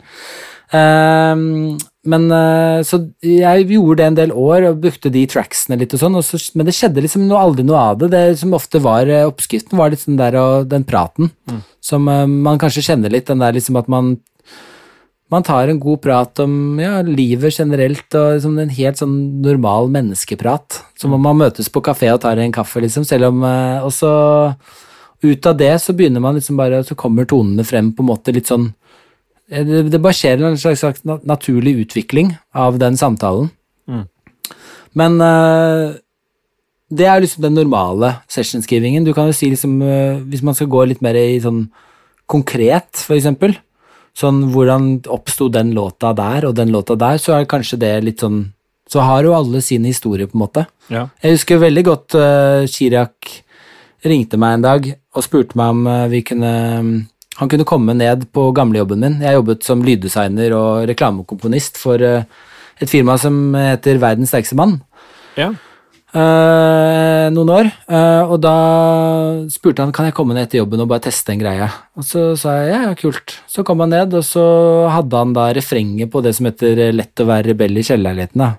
Ja. Uh, så tok jeg opp det, og så sa jeg at men For da, han hadde gjort det på et track som han hadde fått fra en eller annen i Sverige. Og så sa jeg men vi kan ikke bruke det tracket her, det er jo Det var jo en blåkopi av en gammel Karpe-låt fra liksom albumet, albumet før, rett og slett. Ja. Det var piano og akkurat de samme akkordene som en låt som heter um, Snøhvit. Ja. Så der var det jo fordelen av at jeg spiller i Karpe, da. Så jeg, um, at jeg kunne det så kjapt. Og da ble liksom det neste, neste session vi møtte, så var liksom dette var et veldig bra refreng, det visste vi alle, men uh, vi måtte liksom lage et annet track, og da ble liksom neste session vi hadde eh, basert på at vi skulle gjøre andre akkorder, da. Og da liksom hadde vi refrenget, og vi hadde melodien, men vi lagde nye akkorder, og det er det som vi på en måte hører. Og da lagde vi også den intro-delen med den melodien som går i starten, som er egentlig en vokalgreie. ja, og sånn ble den til, liksom. Ja. Uh, mens uh, en annen låt jeg gjorde som ble ganske populær, er en som heter eh, Amanda Delara sin We Don't Run From Anyone. Eh, den var jo sånn Hun kom i studio og bare var litt sånn ganske begeistret, samtidig som ganske opprørt, over at hun hadde lest en artikkel om at eh, eh, for første gang så fikk saudiarabiske kvinner lov til å ta lappen i Saudi-Arabia. Ja. Og, og det inspirerte henne veldig til liksom å, sånn noe tekstlig, da. Ja. Og, og, men da dro jeg opp et av de gamle tracksene som jeg og han kompisen min Kjetil hadde laget. Og da plutselig så klarte jeg å snu det tracket til den fordelen inn i den. da. Det, det ble et helt annet track, men det ble liksom noe av den hook-melodien vi hadde der og sånn. Så, men det, det, det kommer jo ofte sånn Hvis du har et godt tekstlig sted, Mm. så det er da jeg opplever de, de ordentlig gode låtene. Hvis du Ja. finner den, den tekstlige knaggen, eh, universet, et eller annet, eh, altså det temaet for låta, det er da du liksom går fra det å ha en litt sånn kul, kul idé til noe som blir faktisk noe som varer. Mm. Er du involvert i det i tekst og konsept og sånn, da, eller er du Eh, jeg vil si nei. Eh, men ja, jeg er jo det. Men jeg, jeg ønsker ikke å ta noe credits for det, fordi det er liksom de Når du jobber med Karpe, så kan jeg ikke ta credit for det. Det er de som, det er totalt dem alene. Eh, de er, og Emilie også, det er jo ekstremt henne som står for det. Men ja, jeg skriver tekst, og ja, jeg er jo involvert i det. Uh, og jeg er involvert i titler, jeg, jeg går jo inn i det, men eh, det er uh, med så sterke folk som de folka der i tekstverden, så er det ikke noe behov for mine tekststrofer, kan du si. Men kanskje en, en sparrepartner har de behov for en gang iblant. Ja. Mm. Ikke sant? Produsere. Ja. Um, hvis vi snakker litt om det med, med produksjon, ja. sånn helt konkret, hva, hva er forskjellen på å produsere en låt med Karpe og, og Emilie? Nei, det er eh, Altså, Emilie og Karpe kan jo egentlig være likt, rett og slett. Fordi jeg tror den store forskjellen er at Emilie ofte kommer med en idé i studio som er Hun har sittet hjemme og har nylonkassegitaren som faren min ga til henne da hun var eh, 13 år, liksom. Eh, og den lager hun veldig mye låter på. Eh, så er, hun har ofte en demo som er et eller annet slag med seg. Noe, noen akkorder, eh, noe vokal eh, og noe tekst der, liksom. Mens Karpe så skjer nok mer ideen i studio, på en måte. Eh, De har jo kanskje tatt De har en sånn tekstbank som de driver og tar med seg rundt omkring. Så du, hvis du har jobbet lenge nok med Karpe, så kan du godt oppleve at uh, samme teksten blir prøvd ut på fem forskjellige uh, tracks. Eh, så de tar med seg en sånn bank videre hele tiden. Men så forskjellen er kanskje at Emilie har en sånn en akkordprogresjon som kanskje tar et utgangspunkt som gir oss en eller annen start. da. Kan jo være at vi- endrer den litt, eller endrer den mye, eller ingenting. Men hun, hun kommer liksom som en slags Hun er litt mer låtskriver, sånn singer-songwriter. Kommer litt mer derfra. Eh, og hun kommer ofte med en Det er noen ganger vi lager en låt i studio fra scratcha, men som regel så har hun en idé med seg. Eh, mens Karpe så skjer nok ideen mer i studio, hvis du sier den store forskjellen. da. Sånn som i starten. Men så, i produksjonen etter det, så er det ganske likt. De er jo veldig begge glad i å jobbe vokalt. Magdi elsker jo å leke med adlibs, og spesielt etter liksom han fikk denne Axe-innsprøytningen, så elsker han jo å vokalprodusere og syns det er jeg, synes, jeg husker forrige uke, for en, da vi var og jobbet, eh, så tror jeg jeg og han satt i seks timer på en vokalproduksjon, og har det jo dritgøy sammen. Men han, han, han blir så inn i det. Chirag er veldig opptatt av at det skal bli sånn til slutt. Men han er ikke like interessert i å sitte med meg og nerde på det. Uh, men de er veldig sånn sant, vokalfokuserte, og det er jo en sånn generell greie for alle artister, at de er veldig vok vokalfokuserte. Mens uh, Emilie er en sånn adlib-dronning som, uh, som, elsker å lage adlibs, og det er jo det er jo ordentlig, ordentlig en fryd å sitte og lytte på. Mm. Det er bare å legge seg tilbake og bare la henne bare holde på ti runder, og det er bare helt magisk. Hun er jo en kunstner med stemmen sin. Mm. Uh, så det er liksom ordentlig bra, men så er det det å velge godsaken ut. Altså det er et ganske, ja. ganske krevende prosess uh, å, å, velge til slutt hva som skal med og hva som ikke skal med, fordi alt låter jo dritbra, liksom. Ja. Uh, så ja. Men så er liksom Det andre er jo da tracket, selvfølgelig. Uh, og det blir liksom litt basert på den låta du skriver. Eh, det jeg aldri har gjort med Karpe, er jo det sånn som Emilie, hvor du sitter og jobber med en låt fra starten av hvor det bare er en kassegitar du har eh, spilt inn, og så utvikler den seg til en stereokassegitar. Så utvikler det seg en liten pad som beveger seg under, som utvikler seg til to padder og kanskje et pumpeorgel. Og så etter hvert så bare stiger produksjonen veldig rolig, sånn som en akustisk ballade. Veldig sånn fint. Mm. Så det, det, det, kan du jo oppleve med Emilie, mens med Karpe så er det jo litt mer De er jo veldig opptatt av å utfordre sjangeren sin, men eh, det er litt mer et track, litt mer en loop, åtte takter, uh, litt mer i den type gata, da, selv om vi Jeg vil jo si at Karpe er flinke til å bryte den, så det er der kanskje forskjellen ligger litt, da. Mm. Mens Dagen igjen er jo en helt sånn Det er jo pop, liksom, så der liksom går man litt mer sånn ok, er det effektivt nok frem til refrenget? Altså det, det, ja. det, det, går litt mer i den, den, type tankegang, samtidig som det skal føles ut som musikk som beveger seg på akkurat den måten det skal føles i kroppen.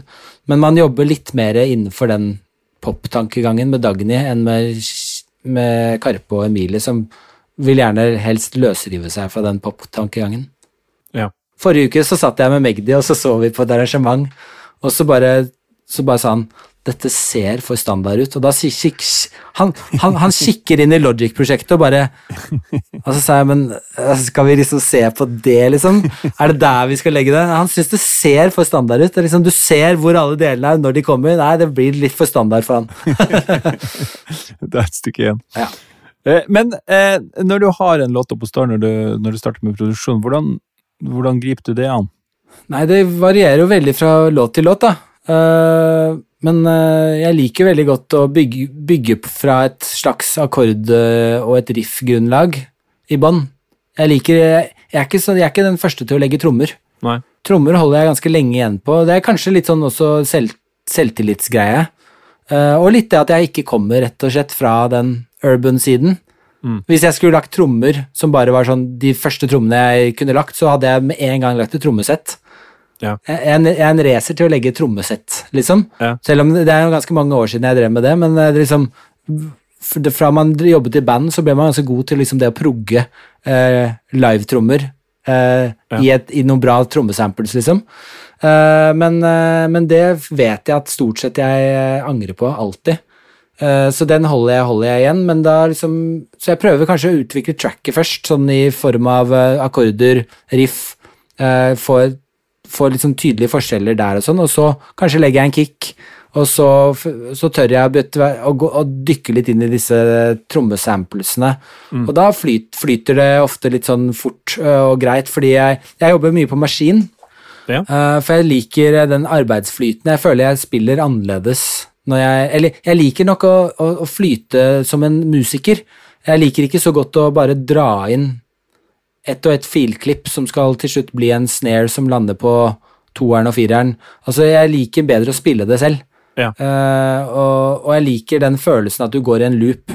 Og sånn som Maskin da, legger åtte takter, og så bare sitter du og spiller liksom trommefiguren og, og, og dra, blar opp uh, mm. lyder, og lyder som ikke nødvendigvis du ville tenkt på som den første high-haten. Altså liksom, du bare, Maskin kan jo bruke hva som helst. Den high-haten kan være en, eh, en liten nøtt. Ikke? Som du, altså, Ja. Det er så deilig eh, interface, for du kan bare dra hvilke som helst samples, og så kan du teste og ja, hva om det er det og det. Ja. Eh, og så liker jeg å ha en bassynt. Uh, gjerne en monosynt, sånn à la en SO101 eller et eller annet sånt, noe, som jeg bare liksom kan spille litt sånn på. Og så liker jeg å ha liksom en Juno oppe, og det er jo faren min sin gamle Juno, selvfølgelig. Ja, du Ja, har ja, den. den, eh, han fikk ikke lov til å få den tilbake etter jeg flyttet til England. Eh, og, så, og da liksom begynner tracket å bevege seg, da. Så jeg, jeg er liksom glad i den, den, den fysiske måten å lage musikk på. Ja. Det, det kommer nok veldig fra band, den jam- jam-måten. Men bruker du, altså Mange av produsentene i ditt segment, hvis man kan si det, da, bruker jo veldig mye i boksen, softinstrumenter, kanskje litt synter og sånn, men, men med din bandbakgrunn, bruker du mer eh, altså trommesett, livespilt instrument? Har du mye av det i greiene dine? Mm, altså, det, det er litt, kommer litt an på. Jeg er veldig glad i outboard når det kommer til instrumenter. Uh, jeg, jeg, jeg spiller nesten elbass på hver eneste låt jeg har. Uh, eller te, i hvert fall tester det ut, men det kommer med på jeg vil si 70 av låtene. Ja. Så er det elbassen som jeg lånte av gamle bassisten i Sally, som han aldri har fått tilbake. Ja. ta- tusen takk, Christian. Um, og, så, og så er det selvfølgelig en uh, analogsynt, syns jeg alltid. Jeg, jeg liker å kunne trykke på det, tror jeg. Uh, og, Ja. så, og så liker jeg det følelsen av å spille det. Uh, og ikke sitte og dytte på det. Men til slutt så ender jeg opp med å dytte på det. og så må jeg innrømme at en Juno er begrenset, selv om den kan brukes til veldig mye bra. Så syns jeg liksom at det er deilig å åpne en Omnisphere eller eh, noe annet, enn eh, Diva eller hva som helst. Bare liksom noe som på en måte er litt annerledes, som er litt digitalt. Jeg, vet, jeg syns det de også har de er, Det er noen veldig flinke mennesker som har laget de syntene der. Det er det. Uh, og jeg syns uh, de har tatt seg god tid og lagt på effekter og gjort sånne ting. Og det, ja. Så jeg, jeg er nok glad i blandingen. Ja. Men jeg har nok prøvd å liksom begrense meg også litt. At jeg ikke liksom bare åpner opp for alt. At liksom produksjonene mine skal inneholde litt sånn tydelige sånn at eh, jeg, Det var en periode hvor jeg bare liksom skulle ha den synten og den synten. Altså, jeg prøvde liksom å lage et sound for meg selv, da.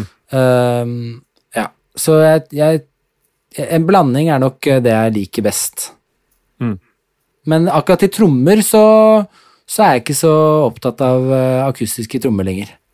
Nei. Det, det var jeg nok mer opptatt av før. Eh, det er liksom et eller annet med det der at uh, lydbildet i hodet mitt akkurat nå er ikke akustiske trommer. Men så hørte jeg liksom Så hørte jeg en eller annen uh, låt på New Music Friday med Anderson Pack og han uh, Bruno Mars nå. Ja, ja, Så ja. tenker jeg, å, det er søtt. Den som kom akkurat nå, uh, Leave the door open. Ja, ja, så tenkte jeg å, det 70-talls trommesound der, det er jo så fett. Og jeg er jo veldig sucker for det soundet der, da, som også jeg syns sånn som Even Ormestad har vært veldig flink til å få inn i sine produksjoner. Så jeg har liksom, jeg har vært veldig inspirert av det til tider også, men jeg, jeg syns det er så vanskelig å få det soundet selv, så da noen ganger så bare gir jeg det litt opp og tenker at det er andre som er flinkere på det, og så gjør jeg det jeg føler blir litt unikt, da. Hører du mye på andre andres musikk, andre produsenter? Jeg, jeg har aldri hørt mye på noen ting, egentlig. Nei. Eh, Men ja, jeg, jeg, jeg holder meg litt sånn oppdatert. Men jeg merker jo at når jeg snakker med andre produsenter, så, så er det sånn ja, har, Du vet han der, og så bare Nei, jeg vet ikke han der. Eh, Ja, du, ja, har du hørt den låta der? Nei, jeg har ikke hørt den låta der. Altså, jeg, er, jeg, jeg, er, jeg tror jeg er ganske sånn medium minus uh, på hvor mye jeg hører på andre ting. Men man må jo høre litt for å skjønne hva som skjer. Henger- Men samtidig så syns jeg ikke det er så veldig viktig. Jeg synes liksom, Prøver du å etterligne det som er nå, så er du allerede litt bakpå. Så det er liksom det viktigste er at du på en måte skjønner At du henger med liksom i, i den i viben, tror jeg. Mm. Men har du noen favorittprodusent? Oi, oi.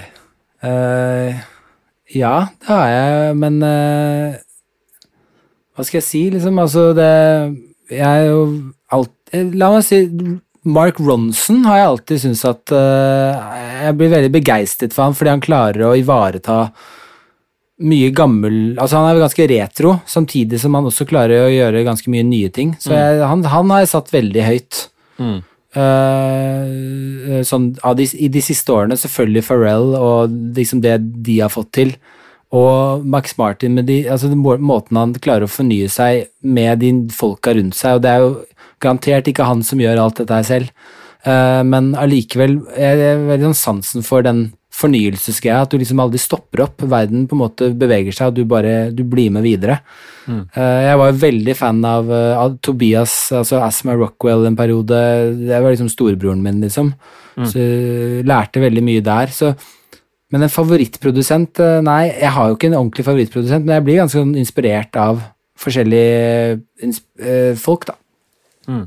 Men fra gammelt av så må jeg jo si liksom jeg er en sånn sucker for Beatles og George Martin. Eh, og ganske nylig så, så fikk jeg også bare den derre fytti rakkeren som mener eh, Beach Boys og Brian Wilson. Altså jeg, jeg kan ikke skjønne hvordan de klarte Hvordan han klarte å få de soundsene der ut Nei. Altså, jeg skjønner ikke hvor det kommer fra. Det er liksom det, er det jeg ikke jeg, Du ser mye musikktrender, og så skjønner du ja, de tok det derfra, de tok det derfra. Men akkurat han, det, det, jeg skjønner ikke hvor det kommer fra. Jeg skjønner ikke hvordan han fikk de lydene der. Nei, det, var- det var ikke på Splice. Eh, Nei. nei, det hadde vel kanskje noe med Altså, de hadde jo fordelen sånn sett at de her instrumentene kom. Mm. Det kom liksom et helt sånn sett av tools som aldri hadde vært der før, Ja. som ingen hadde hørt. Men jeg er helt enig. Det står seg godt. Ja. Eh, miksing, gjør du det sjøl, eller Helst ikke. helst ikke? Helst ikke. Uh, jeg har jo på et ganske tidlig stadie sett at det var noe jeg kunne ha gått inn i. Ja. For jeg hadde nok litt ørene til det. Eh, men samtidig så har jeg alltid syntes at musikk er bedre når den gjøres av mange sammen, på en måte. Eh, det er klart Brian Wilson hadde disse lydene i hodet, men han var nok avhengig av ganske mange andre for å få de frem. Ja. Eh, og jeg er veldig glad i samspillet mellom roller. Eh, glad i å se at en miks på en måte Du tar det enda videre. Eh, men jeg har fått flere sånne spørsmål. Jeg husker veldig tidlig da jeg hadde en låt eh, med en som heter Frida Amundsen, Ja. som heter Rush. Og da hadde jeg gjort en miks av den, og så hadde jeg ønsket meg Mai Kartung, da, som jeg så litt sånn opp til på miks, og beundret miksene til. Og, og så ringer Mike meg, som jeg kjente litt gjennom fordi kjæresten min jobbet i Propeller på den tiden. Så ringer han meg og bare ja, um, hvorfor skal jeg mikse den her, det funker jo fint det du har gjort selv. Og så sier jeg men du kan gjøre dette her 20 bedre enn meg, det vet jeg. Og så sa han ja, ok, greit nok, liksom, men eh, for meg så dreier det seg veldig om den derre det at noen andre tar på det du har jobbet med, og liksom får det liksom et nytt sett med øynene videre, da. Mm. Men når det er sagt, så har jeg absolutt mikset noen ting selv, eh, fordi det ikke var tilgjengelig noe penger, eller det var en eh, De som vi ønsket at skulle mikse det, ikke, ikke kunne mikse det, så jeg har mikset noen Karpe-låter selv, og jeg har mikset noe Ja, jeg har mikset ting selv, men jeg ønsker helst ikke å gjøre det. da. Mm. Hvem, eh, hvem bruker du når du mikser med andre? Nei, det har endret seg litt sånn over årenes eh, tid. Eh, men eh, nå i det siste året så har jeg brukt Simon Bergseth, som jeg Ja. har fått en veldig sånn fin relasjon til. Han, jeg husker veldig godt han Han var den første jeg hadde møtt i Norge som fortalte Som jeg spurte som var, Han var en musiker, da, og har jobbet litt som produsent og sånn, men han er den første som bare sa til meg ja, jeg digger miksing, og det er det jeg skal gjøre. Ja. Altså han liksom, Du merket at hele passionen hans lå rundt miksing, og han hadde bygget seg nylig et studio uh, selv, og liksom virkelig liksom bare Dette her er det jeg skal drive med. Og det er første gang jeg tror jeg har møtt en person på et det stadiet, liksom litt i startstadiet. Jeg hadde sikkert mikset en del allerede, men liksom det føltes ut som du møtte han på et tidlig tidspunkt, og så bare Og dette er det jeg skal drive med. Så det var Ole Torjussen nevnte det for meg, bare at vi burde liksom ta i tak i han, eh, han Simon, liksom. Eh, han, eh, ja, og så sa jeg ja, la oss gjøre det, liksom. Så da ble liksom det at han ble spurt om Cezinando-skiva, han ble spurt om Emilie-skiva, jeg tok han med på deler av Dagny-skiva, og siden det så har jeg egentlig bare brukt han. Ja. Men han er en av de mikserne jeg syns i Norge som som kommer fra en bandingbakgrunn. Han har jo liksom en ganske sånn bredt spekter, så han vet hvordan man skal mikse gitarer, han vet hvordan han skal mikse livetrommer, samtidig som han er ganske rå på å mikse 808s og popvokal. Eh, og den kombinasjonen der uh, syns jeg ikke det er så mange jeg har opplevd selv at klarer, da. Nei. Og så er han ekstremt sånn uh, opptatt av å komme fram til et godt resultat. Eh, og veldig positiv, eh, så han liksom jobber til vi er i mål, og det er ikke noe sure minner for det, liksom. Nei. Så det, det har vært en veldig sånn fin reise. Vi må nøle litt på studio, og nå er jo det her dessverre på Zoom, men jeg fikk en liten videosnutt eh, av studioet ditt i stad. Veldig fint. Du sitter i living room sammen yeah. med um, Sib og jo Joakim Haukås. Stemmer. Det er fint. Det er veldig fint. Det var jo, jeg satt jo en del år på Bislett sammen med Even Ormestad og Martin Sjøli og en som heter Hasse Rossbakk. Ja. Eh, og så flyttet Hasse ut, og så kom noen andre inn der, og så flyttet etter hvert Martin ut, men så kom han og delte rom med meg, og så var det noen andre som kom inn, og så ble det liksom Det studioet endret seg, og så husker jeg Martin flyttet ut fra mitt rom til propeller, og da sto jeg litt sånn Ok, hva gjør jeg nå? Uh, nå føler jeg at hele dette stedet som egentlig var så kult på Bislett, uh, begynner å forsvinne litt. Uh, og begynte å kikke meg ganske mye etter ting, og så etter faktisk halvannet år med litt sånn ymse, Ja. så snakket jeg litt med Thomas Eriksen tilfeldig, Uh, og så sa han ja, jeg skal faktisk til, LA, jeg skal til LA nå, så du kunne lånt studioet mitt i tre måneder. Og så tenkte jeg ja, det er jo kjempebra, det passer meg perfekt. Eh, bare sånn, fordi da hadde jeg ikke noe, jeg trengte noe i akkurat da jeg skulle begynne med Emilie og Dagny. Mm. Og så endte han opp med å på en måte ville satse videre i LA, og Simen og Espen og Joakim og jeg fikk en god kjemi sammen, så da endte jeg på med å bli der. Ja. Eh, så der har jeg vært nå halvannet år, og det funker kjempebra. Det er, eh, det er veldig gøy å være et sted hvor det er så mye erfaring og så mye forskjellige mennesker, men som jobber på et veldig høyt nivå, da. Ja. Uh, så liksom vi, er, vi prøver å være ganske gode til å bruke hverandre, og jeg syns noen ganger så er vi skikkelig gode på det, og andre ganger kan vi bli flinkere på det. Ja. Men uh, det er uh, veldig, veldig ålreit. Veldig glad for det.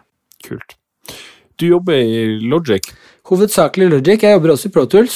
Eh, det kommer litt av min lyddesignerjobb, eh, bakgrunn. Men, eh, så jeg har gjort liksom litt musikk i Pro Tools, men jeg, jeg koser meg mest når jeg jobber i Logic. Det er da jeg liksom føler meg fri. Ja. Jeg kommer jo egentlig fra Cubase, men gikk over til Logic da ingen andre brukte Cubase lenger, og alle brukte Logic. Og jeg skulle kjøpe meg en ny datamaskin, som da ble en Mac. Ja. Så da husker jeg banna et år i overgangen til Logic. Eh, og jeg syns Cubase var så mye enklere. Men til slutt så ble den tunge tiden over, og Logic er blitt min venn. Ja. Og så bruker du Apollo 8 og Apollo Twins og på Ja, ja. Jeg brukte jo egentlig Ensemble, Apogee Ensemble. Um, Ja. Begynte å jobbe med Axe, og da vi skulle gjøre den skiva med Karpe. Og han hadde en helt annen på en måte sett med plugins, rett og slett, som han brukte. Og for at vi skulle åpne hverandres prosjekter, så måtte jeg gjøre en Eller Karpe. Det endte opp med Karpe som gjorde en investering for meg. Ja. ja. men så at vi kunne rett og slett jobbe litt mer eh, sømløst på forskjellige prosjekter. Så da gikk, gikk jeg over til Apollo. For det var UAD-plugins. Rett og slett mye UAD. Og, og da med en gang du liksom begynner å bruke UAD-plugin, så sliter du jo med latency i selve programmet ditt, så da blir du avhengig av den der Ja. Inngangsmonitoringen som eh, UAD er helt unike på. da. Mm. Men eh, når det er sagt, så bare var jo det også en eye-opener da, å gå over til UAD-plugins, for det er bare wow, det låter jo helt sjukt, liksom. Og Vi brukte Waves i alle år eh, som hoved, eh, liksom, de der kompressor-EQ-pluginsene, og så begynner du å bruke UAD, og så bare skjønner du at shit, det er jo en annen verden der ute. Ja. Klangene, alt mulig sånn. Så det var en veldig Det var, det var en annen, annen ting å jobbe med. Det er ganske fett. Veldig kult. Hva, hva er favorittene av de pluggene? Altså, jeg er jo veldig sucker for LA2A. Jeg har jo en egen LA2A selv. Uh, Ja. Det var egentlig Martin Sjøli som uh, tok med den inn i studio da vi delte studio noen år. Og så ble jeg bare sånn ekstremt glad i den inngangskompressoren. Ja. Jeg hadde slitt så mange år med damer som synger høyt, og som gir gass, og så liksom Så jeg hadde aldri brukt inngangskompressor før, men bare skjønte bare at ok, dette er jo så mye mer rask vei til et godt vokalresultat hvis du bruker litt inngangskompressor. Ja. Uh, og det i kombinasjon med U87-en til Martin ble liksom det jeg alltid brukte. Selv om jeg hadde en Browner VM1, uh, så endte jeg opp med nesten alltid å bruke Martin sin U87. Ja. Uh, men eh, hva var egentlig spørsmålet? Ja, Favorittpluggen. Så LA, Ja. LA2-a eh, blir liksom på inngang og førstetrinn eh, i etterkant, så det blir sånn dobbel LA2-a. Ja. Og så liker jeg veldig godt uh, distressoren. Ja. Syns den er helt nydelig. Uh, jeg syns også um, den uh, 1176-en er kjempebra. Veldig bra. Jeg har ikke vært så god på, på å bruke de forskjellige 1176-ene eller de forskjellige LA2-ene. Uh, Det er liksom, har jeg litt sånn igjen. Det er flere som har sagt til meg ja, du burde teste ut de forskjellige, men jeg, jeg, jeg, jeg tror ikke jeg har tålmodigheten, for jeg er liksom alltid i en eller annen prosess. Eh, og så er jeg veldig glad i leksikon 480. Den er nydelig. En uh, utrolig god klang. Hvis du alt, alltid har brukt R-verb i, i gamle dager, og så gikk du etter hvert over til Valhalla, så trodde du at Valhalla var bare helt sjukt bra, fordi R-verb er så utrolig tode. Mm. Men når du da oppdrever 480, så er det bare oi, oi, oi. Men den, uh, også EMT 140-en syns jeg er kjempebra klang. Mm. Eh, og, så det er vel kanskje de jeg jevnt over bruker veldig mye av pluginsene, og API 560. Mm. Men jeg bruker jo litt uh, forskjellig. Chorus Brigaden syns jeg er kjempefin. Jeg bruker Studio D-en, eller den gamle um, den? Di- Dimension D-en ja. syns jeg er kjempefin. Ja. Så det liksom, Man bruker mye forskjellig, men jeg vil si at de første der er de jeg bruker mest. Kult. Du har uh, også noen Niv uh, preamper i rekke, Ja. I tillegg til LA2. Ja, jeg har en, uh, en junior uh, Heritage uh, Niv uh, som var sånn derre Jeg vil bare kjøpe meg en OK preamp, og så var det en eller annen proprolyd som sa da, må du kjøpe den her. Og så husker jeg da jeg og Martin satt sammen, så liksom prøvde vi litt forskjellig, sånn, og så bare sa Martin altså kombinasjonen vi skal bruke her, er den Heritagen, U87-en og LA2-en. Og det ble det han brukte på Sigrid, det ble det jeg brukte på de jeg jobbet med da. Det, liksom, det ble liksom eh, den eh, signalkjeden. For i AMS-kniven, som jeg også har, er en sånn stereostripa AMS-kniv, Ja. eh, låt ikke like kult, egentlig. Det var liksom der. Men det var Martin som liksom tok litt det valget, husker jeg. Ja. Så bare sto, stolte jeg litt blindt på han der. Eh, Da ble det sånn. da ble det sånn. og så har jeg brukt eh, selvfølgelig den AMS-niven veldig mye på stereoting, da. Eh, og, men så er jeg Jeg, jeg syns de der Universal Audio-preampene låter dritbra så jeg. Jeg liksom merker at uh, Bruker de også mye. Ja, ikke sant? Men uh, hovedsakelig når jeg tar vokal, så er det 11 Altså det er Niv uh, 1073-en uh, til Heritage som jeg har da brukt. Ja. Mm. Du har en ganske fin mikrofon også. Ja, det, i gave til eh, meg selv og mitt virke og studio, så da jeg skulle begynne å jobbe med Emilie og Dagny, så kjøpte jeg rett og slett eh, den mikken som hadde fascinert meg mest da vi var på Karpe-runder eh, på albumet før. Ja. Vi prøvde jo ekstremt mange forskjellige mikrofoner med Karpe, og på den ene låta så brukte vi Even sin Grosser-variant av AKG C12. Ja. Uh, og bare tenkte wow, den her, jeg har aldri hørt så bra lyd på Chirag og Magdi noensinne. Men det funket bare på den ene låta. Så det er liksom ok, da skal jeg ikke kjøpe den. Uh, og så brukte vi Sonin, som sto i uh, White Room, og som var på Giske også, ganske mye. C800G. Ja, Ja. Og den, men den syns jeg var litt for spiss. Uh, og så tenkte jeg til Emilie uh, Ja, det må liksom Det måtte funke til både Karpe, Emilie og Dagny i hodet mitt, da. Eh, og da så husker jeg at eh, på Giske så brukte vi den eh, Ela 251 som de satte fram, og da husker jeg Henning på Giske sa liksom den her er bare den, den må du bare teste. Og så husker jeg at det låt helt sjukt bra på Magdi. Låt bra på Chirac. Jeg syns kanskje Sonyen var litt kulere på Chirac, men den låt bra på Chirac. Låt dritbra på, på Isa. Eh, og så tenkte jeg bare ok, den her er en skikkelig bra mikrofon. Og så begynte jeg å lese litt om den, og så tenkte jeg ok, det er mikken jeg går for. Mm. Så da ble det den. Veldig bra. Ja. Jeg har en Soundelux Elux 251 sjøl. Ja, ikke sant. Det angrer man aldri på. Nei, det er Alle syns jo bare wow, du kjøpte en så dyr mikrofon, men uh, bare se på hva jeg driver med. Det jeg driver med, er at jeg får en artist i studio, og vi jobber med en låt, og uh, jeg spiller inn artisten sin vokal, og så får vi den miksa. Det viktigste leddet i mitt studio er mikrofonen. Uten tvil. Mm. Mikrofon, en bra preamp, uh, og det er det. Og at passe på at rommet ikke er helt dritt. Men uh, det er liksom Ja. Det er så viktig, da. Du har litt synta også. Vi har hørt om Fars Juno, men, men hva mer? Fars Juno har vært med hele veien. Vi, eh, ja, den er jo klassikeren. Den har jeg liksom hatt siden oppveksten og ja, blitt mer og mer venn med. Men så følte jeg nok at jeg hadde lyst på en ny uh, Det er det siste syntkjøpet jeg har gjort, da. Men det var liksom, jeg tenkte en, en, noe som ikke var Juno, men som fortsatt var analog, og da hadde jeg Uoriginalt nok så kjøpte jeg Profit 6-en, men jeg syns den er en helt grisefet synt. Uh, låter kjempebra, den kan liksom nesten brukes til alt, så den uh, digger jeg. Og så er det han keyboardisten jeg jobber mest med, som heter Eirik Saga, som er han som har vært med på veldig mye av Karpe-tingene. Han uh, har en sånn selv, så liksom det er så enkelt når han kommer i studio. Kan altså liksom det er noe med det at det er også tilgjengelig for de bruk, som bruker studio sammen med deg. Men så er jeg egentlig Det kanskje jeg er mest sucker for, er jo monosynter. Altså, jeg syns det er helt rått. Eh, Så eh, SO101 syklet jeg på i mange år, og til slutt så kjøpte jeg en over eh, eBay, eh, som har vært med i nesten samtlige låter jeg har gjort. Altså, hvis du spør meg liksom, hva er den lyden der, så er det garantert en SO101 ja. involvert i de fleste låtene jeg har vært i. Kult. Og det stammet litt fra et studio jeg var i da vi jobbet med sisteskiva til bandet mitt. Så jobbet vi på Gran hos en som heter Jonas Rabe, som er en eh, fantastisk eh, kul syntprodusent.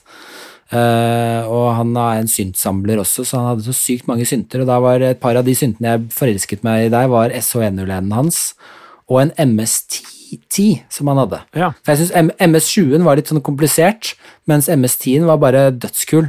Ja. Eh, men så har jeg aldri sett en MS-10 til salgs før faktisk nylig i år.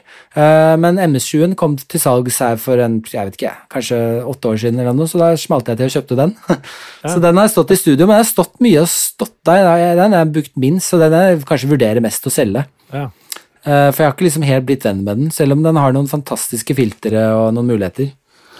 Jeg tror Espen Berg, som du sitter sammen med, hadde en eh, MS10.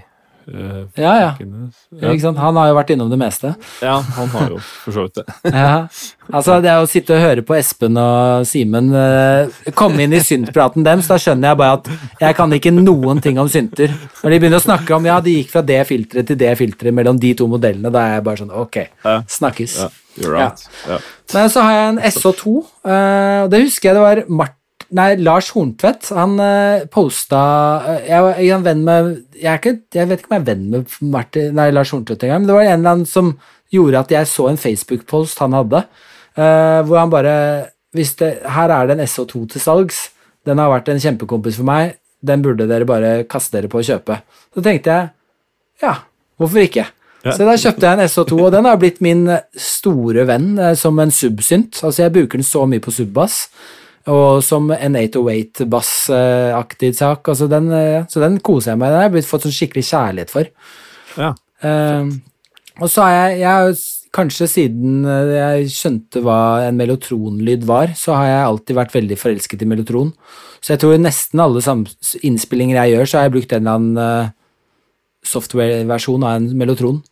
Eh, og så fikk jeg, kom jeg i det studio med Espen og de, og så hadde de en mellotron, og så prøvde jeg den, og så tenkte jeg ok, jeg må jo bare ha det. Det er jo liksom for dumt å ikke ha en mellotron, og jeg er så glad i mellotron. Ja. Så jeg, jeg, bruker det neste på alt, liksom. Så jeg, jeg er nok en fyr som kjøper ting jeg har lyst til å bruke. Eh, så MS7-en er kanskje det eneste kjøpet jeg har gjort som ikke er så liksom Som ikke har blitt en stor kjærlighet, da. Hvis det var en original M20, så var det sikkert et bra kjøp allikevel. Ja, det er en original en, så Ja. sånn sett så er det et Ja. bra kjøp. Men, eh, men ja, ja, den er jeg ikke blitt helt venn med. Nei, ikke sant. Eh, hva med gitar? Du er gitarist, egentlig. Spiller du in the, the day, eller rekorder du? Mikker du opp? Jeg, jeg har jo alltid vært en uh, guitar rig-type, fordi jeg, uh, ampen min har alltid stått på et eller annet lager med pedalbrettet fordi man skal ut på Ja. turné. Uh, så jeg husker at eh, det var veldig viktig for meg på et tidspunkt å ha en amp i studio og et pedalbrett tilgjengelig i studio. Eh, så nå har jeg det. Men jeg har brukt veldig mye guitar rig eh, opp Ja. gjennom årene. Jeg er ikke sånn selv om det er gitar som er mitt fag, og det jeg har brukt mest tid på å øve på, så syns jeg det er kanskje det jeg, der jeg kommer litt til kort. uh, I produksering. da, treng, da, da, da er det kjempedeilig å ha Axe eller ha Ole Torjus eller en annen person som på en måte bare lar meg få lov til å være en gitarist. Ja. For det å være gitarist og produsent Jeg tror jeg blir for selvbevisst. Jeg blir kritisk til ideene mine. Jeg syns ikke jeg er kreativ nok. Det er mye greier der, så jeg syns gitar er det der jeg liksom kommer litt til kort i mine produksjoner. Så ja. Mm. Det er ikke så mye gitar i Karpe sine produksjoner, eksempel. Nei. Eh, du er også litt lærer, på si. Ja, jeg eh, har jo endt opp litt med det. Jeg var jo slalåmtrener i mange år, og tror jeg fungerte ganske bra med det å liksom lære bort ting. Eh, og så var jeg med å drive en musikkskole for barn en del år, Ja. eh, som heter Lyd og fryd, sammen med Espen Stenhammer, Ja, eh, som spiller trommer i De Derre. Ja, ja. ja. men, men for meg så ble det kanskje litt på feil Jeg vet ikke, jeg, jeg syns ikke det er så Jeg syns det er veldig gøy å bare lære barn å spille instrument, samtidig som det bare ble litt feil fokus for meg. Eh, men så fikk jeg forespørsel av Amund Bjørklund om jeg kunne tenke meg å ha en masterclass på Limpi. Ja. Som er, Limpi er jo denne skolen som bl.a. blant annet Stargate og Amund og Magnus Beite har startet Ja. opp på Lillehammer. Uh, og så dro jeg opp dit og hadde masterclass, og så skjønte de på den skolen at eh, oi, her er det jo noe vi eh, ikke har på pensum, som vi burde hatt på pensum, og det var livefaget, da. Ja. Uh, så de spurte meg i fjor om jeg kunne tenke meg å, å være der litt mer. Uh, så da var jeg der litt mer med artistene, uh, og hadde livefaget.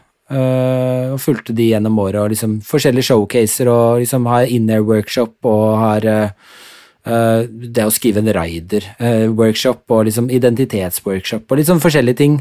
og dra ut liksom litt det fra min år som bandleder og artist eh, på scene, og liksom ta frem de tingene der. Og så mot slutten av fjoråret så tror jeg Amund eh, og så skjønte, for han har vært ganske mange år i USA, Ja. så tror jeg han skjønte bare at ja, du, du Altså, han visste jo at jeg var produsent, men at, jeg, liksom, at det var på et litt høyere nivå kanskje enn det han så for seg. Så han bare Du må jo være lærer i produksjon hos oss. Eh, og så da dette året her eh, startet dette Eller midt i koronaåret, så tenkte jeg at ok, kanskje jeg kan si ja til det nå som det blir litt mindre spilling, tydeligvis, Ja. fremover. Så da har jeg vært der annenhver uke og hatt eh, disse ungspirene, da, både i produksjon og da artistfaget. da, Så jeg er der annenhver uke, halvannen dag. ja. Så det Det er, er eh, er kjempekult. Altså, det er jo Én ting er liksom det å liksom være lærer for folk som på en måte har lyst til å lære til å spille et instrument, eller folk som kanskje kunne tenke seg å bli musiker hvis de vil, på videregående, men når du er på et sånt sted som dette her, så er det liksom Det er et år med hardkjør innenfor popbransjen, hvor du har eh, flere av de neste talentene, og kanskje de neste stjernene, som er eh, der, og du, du føler liksom virkelig at du tar tampen Eller tar tempen på på det neste, da. Eh, samtidig som du også er en del av bransjen, så du har mye å gi til dem, på en måte. Mm. Så det syns jeg, jeg synes det er kjempegivende og veldig kult å jobbe der. Hva er ditt beste tips til de som ønsker å bli produsent og låtskriver på øverste nivå, sånn som du? Eh, beste tips, jeg vet ikke. Kanskje å ikke forvente at eh, at det kommer av seg selv. Eh, at du må jobbe jævlig hardt, og du må ha ekstremt mye tålmodighet og jobbe mye i motbakke. Være villig til å liksom se på musikk som en sekundær inntekt i ekstremt mange år før du egentlig kan tjene mye penger på det. Eh, du må ha mye, mye mye selvdisiplin også. Eh, men hvis du brenner nok for det, så er det jo en fantastisk ting å gjøre. Men det er liksom kanskje det sånn At liksom ikke forvente at det er en enkel reise, er jo kanskje mitt eh, Det er jo kanskje ikke tips, det er kanskje et alvorsord. alvorsord. Um, En ad advarsel. en advarsel. Men hvis det skal komme til tips, um, så vil jeg anbefale folk å liksom he hekk deg fast ved de som eh, du funker godt med. Mm. Ikke tenk alltid at gresset er grønnere på andre siden. Finner du et samarbeid som fungerer, eh, hold på det, og dyrk det samarbeidet, fordi det er det som kommer til å gjøre kanskje din karriere eh, til noe større. Er liksom den derre liksom Alle folk som møtes på samme nivå, og som dytter hverandre oppover, det er da du får den derre magien. Mm. Så det er kanskje mitt sterkeste tips. Det er kloke ord. Og det blir også de siste ordene i dag. Tusen takk for din tid, og tusen takk for praten, Thomas. Takk i like måte. Thomas Kongshavn der, altså. En inspirerende og energisk fyr. Jeg ønsker Thomas, Ole Torjus og Lars Horntvedt, som alle har vært gjester i Bakspakene, riktig lykke til i Spellemann på fredag. Den fjerde nominerte i klassen Årets produsent er Mathias Teles. Han har takka ja til å være med i Bak spakene senere i sesongen, så da har du noe å glede deg til. Denne episoden lages i samarbeid med Benum, Isotop og Out of the Woods. Husk kodeordet Bak spakene 10, som gir 10% ekstra rabatt på alle produkt på isotop.com, også de som er på salg. Særlig takk til Benum, som gjør det her mulig. Og du, nå snakker jeg i Skjør MV7 igjen. Rett inn på Thunderbolt 3. En strålende og veldig lettvint mikrofon, spør du meg. Kulturrådet har støtta denne sesongen av Bakspakene, så tusen takk til dem. Bakspakene har en Facebook-side og en Instagram-konto. Gå inn der og følg oss, så holder du deg oppdatert om hva som skjer i poden. Mitt navn er Ole Henrik Antonsen, og vi høres igjen neste uke.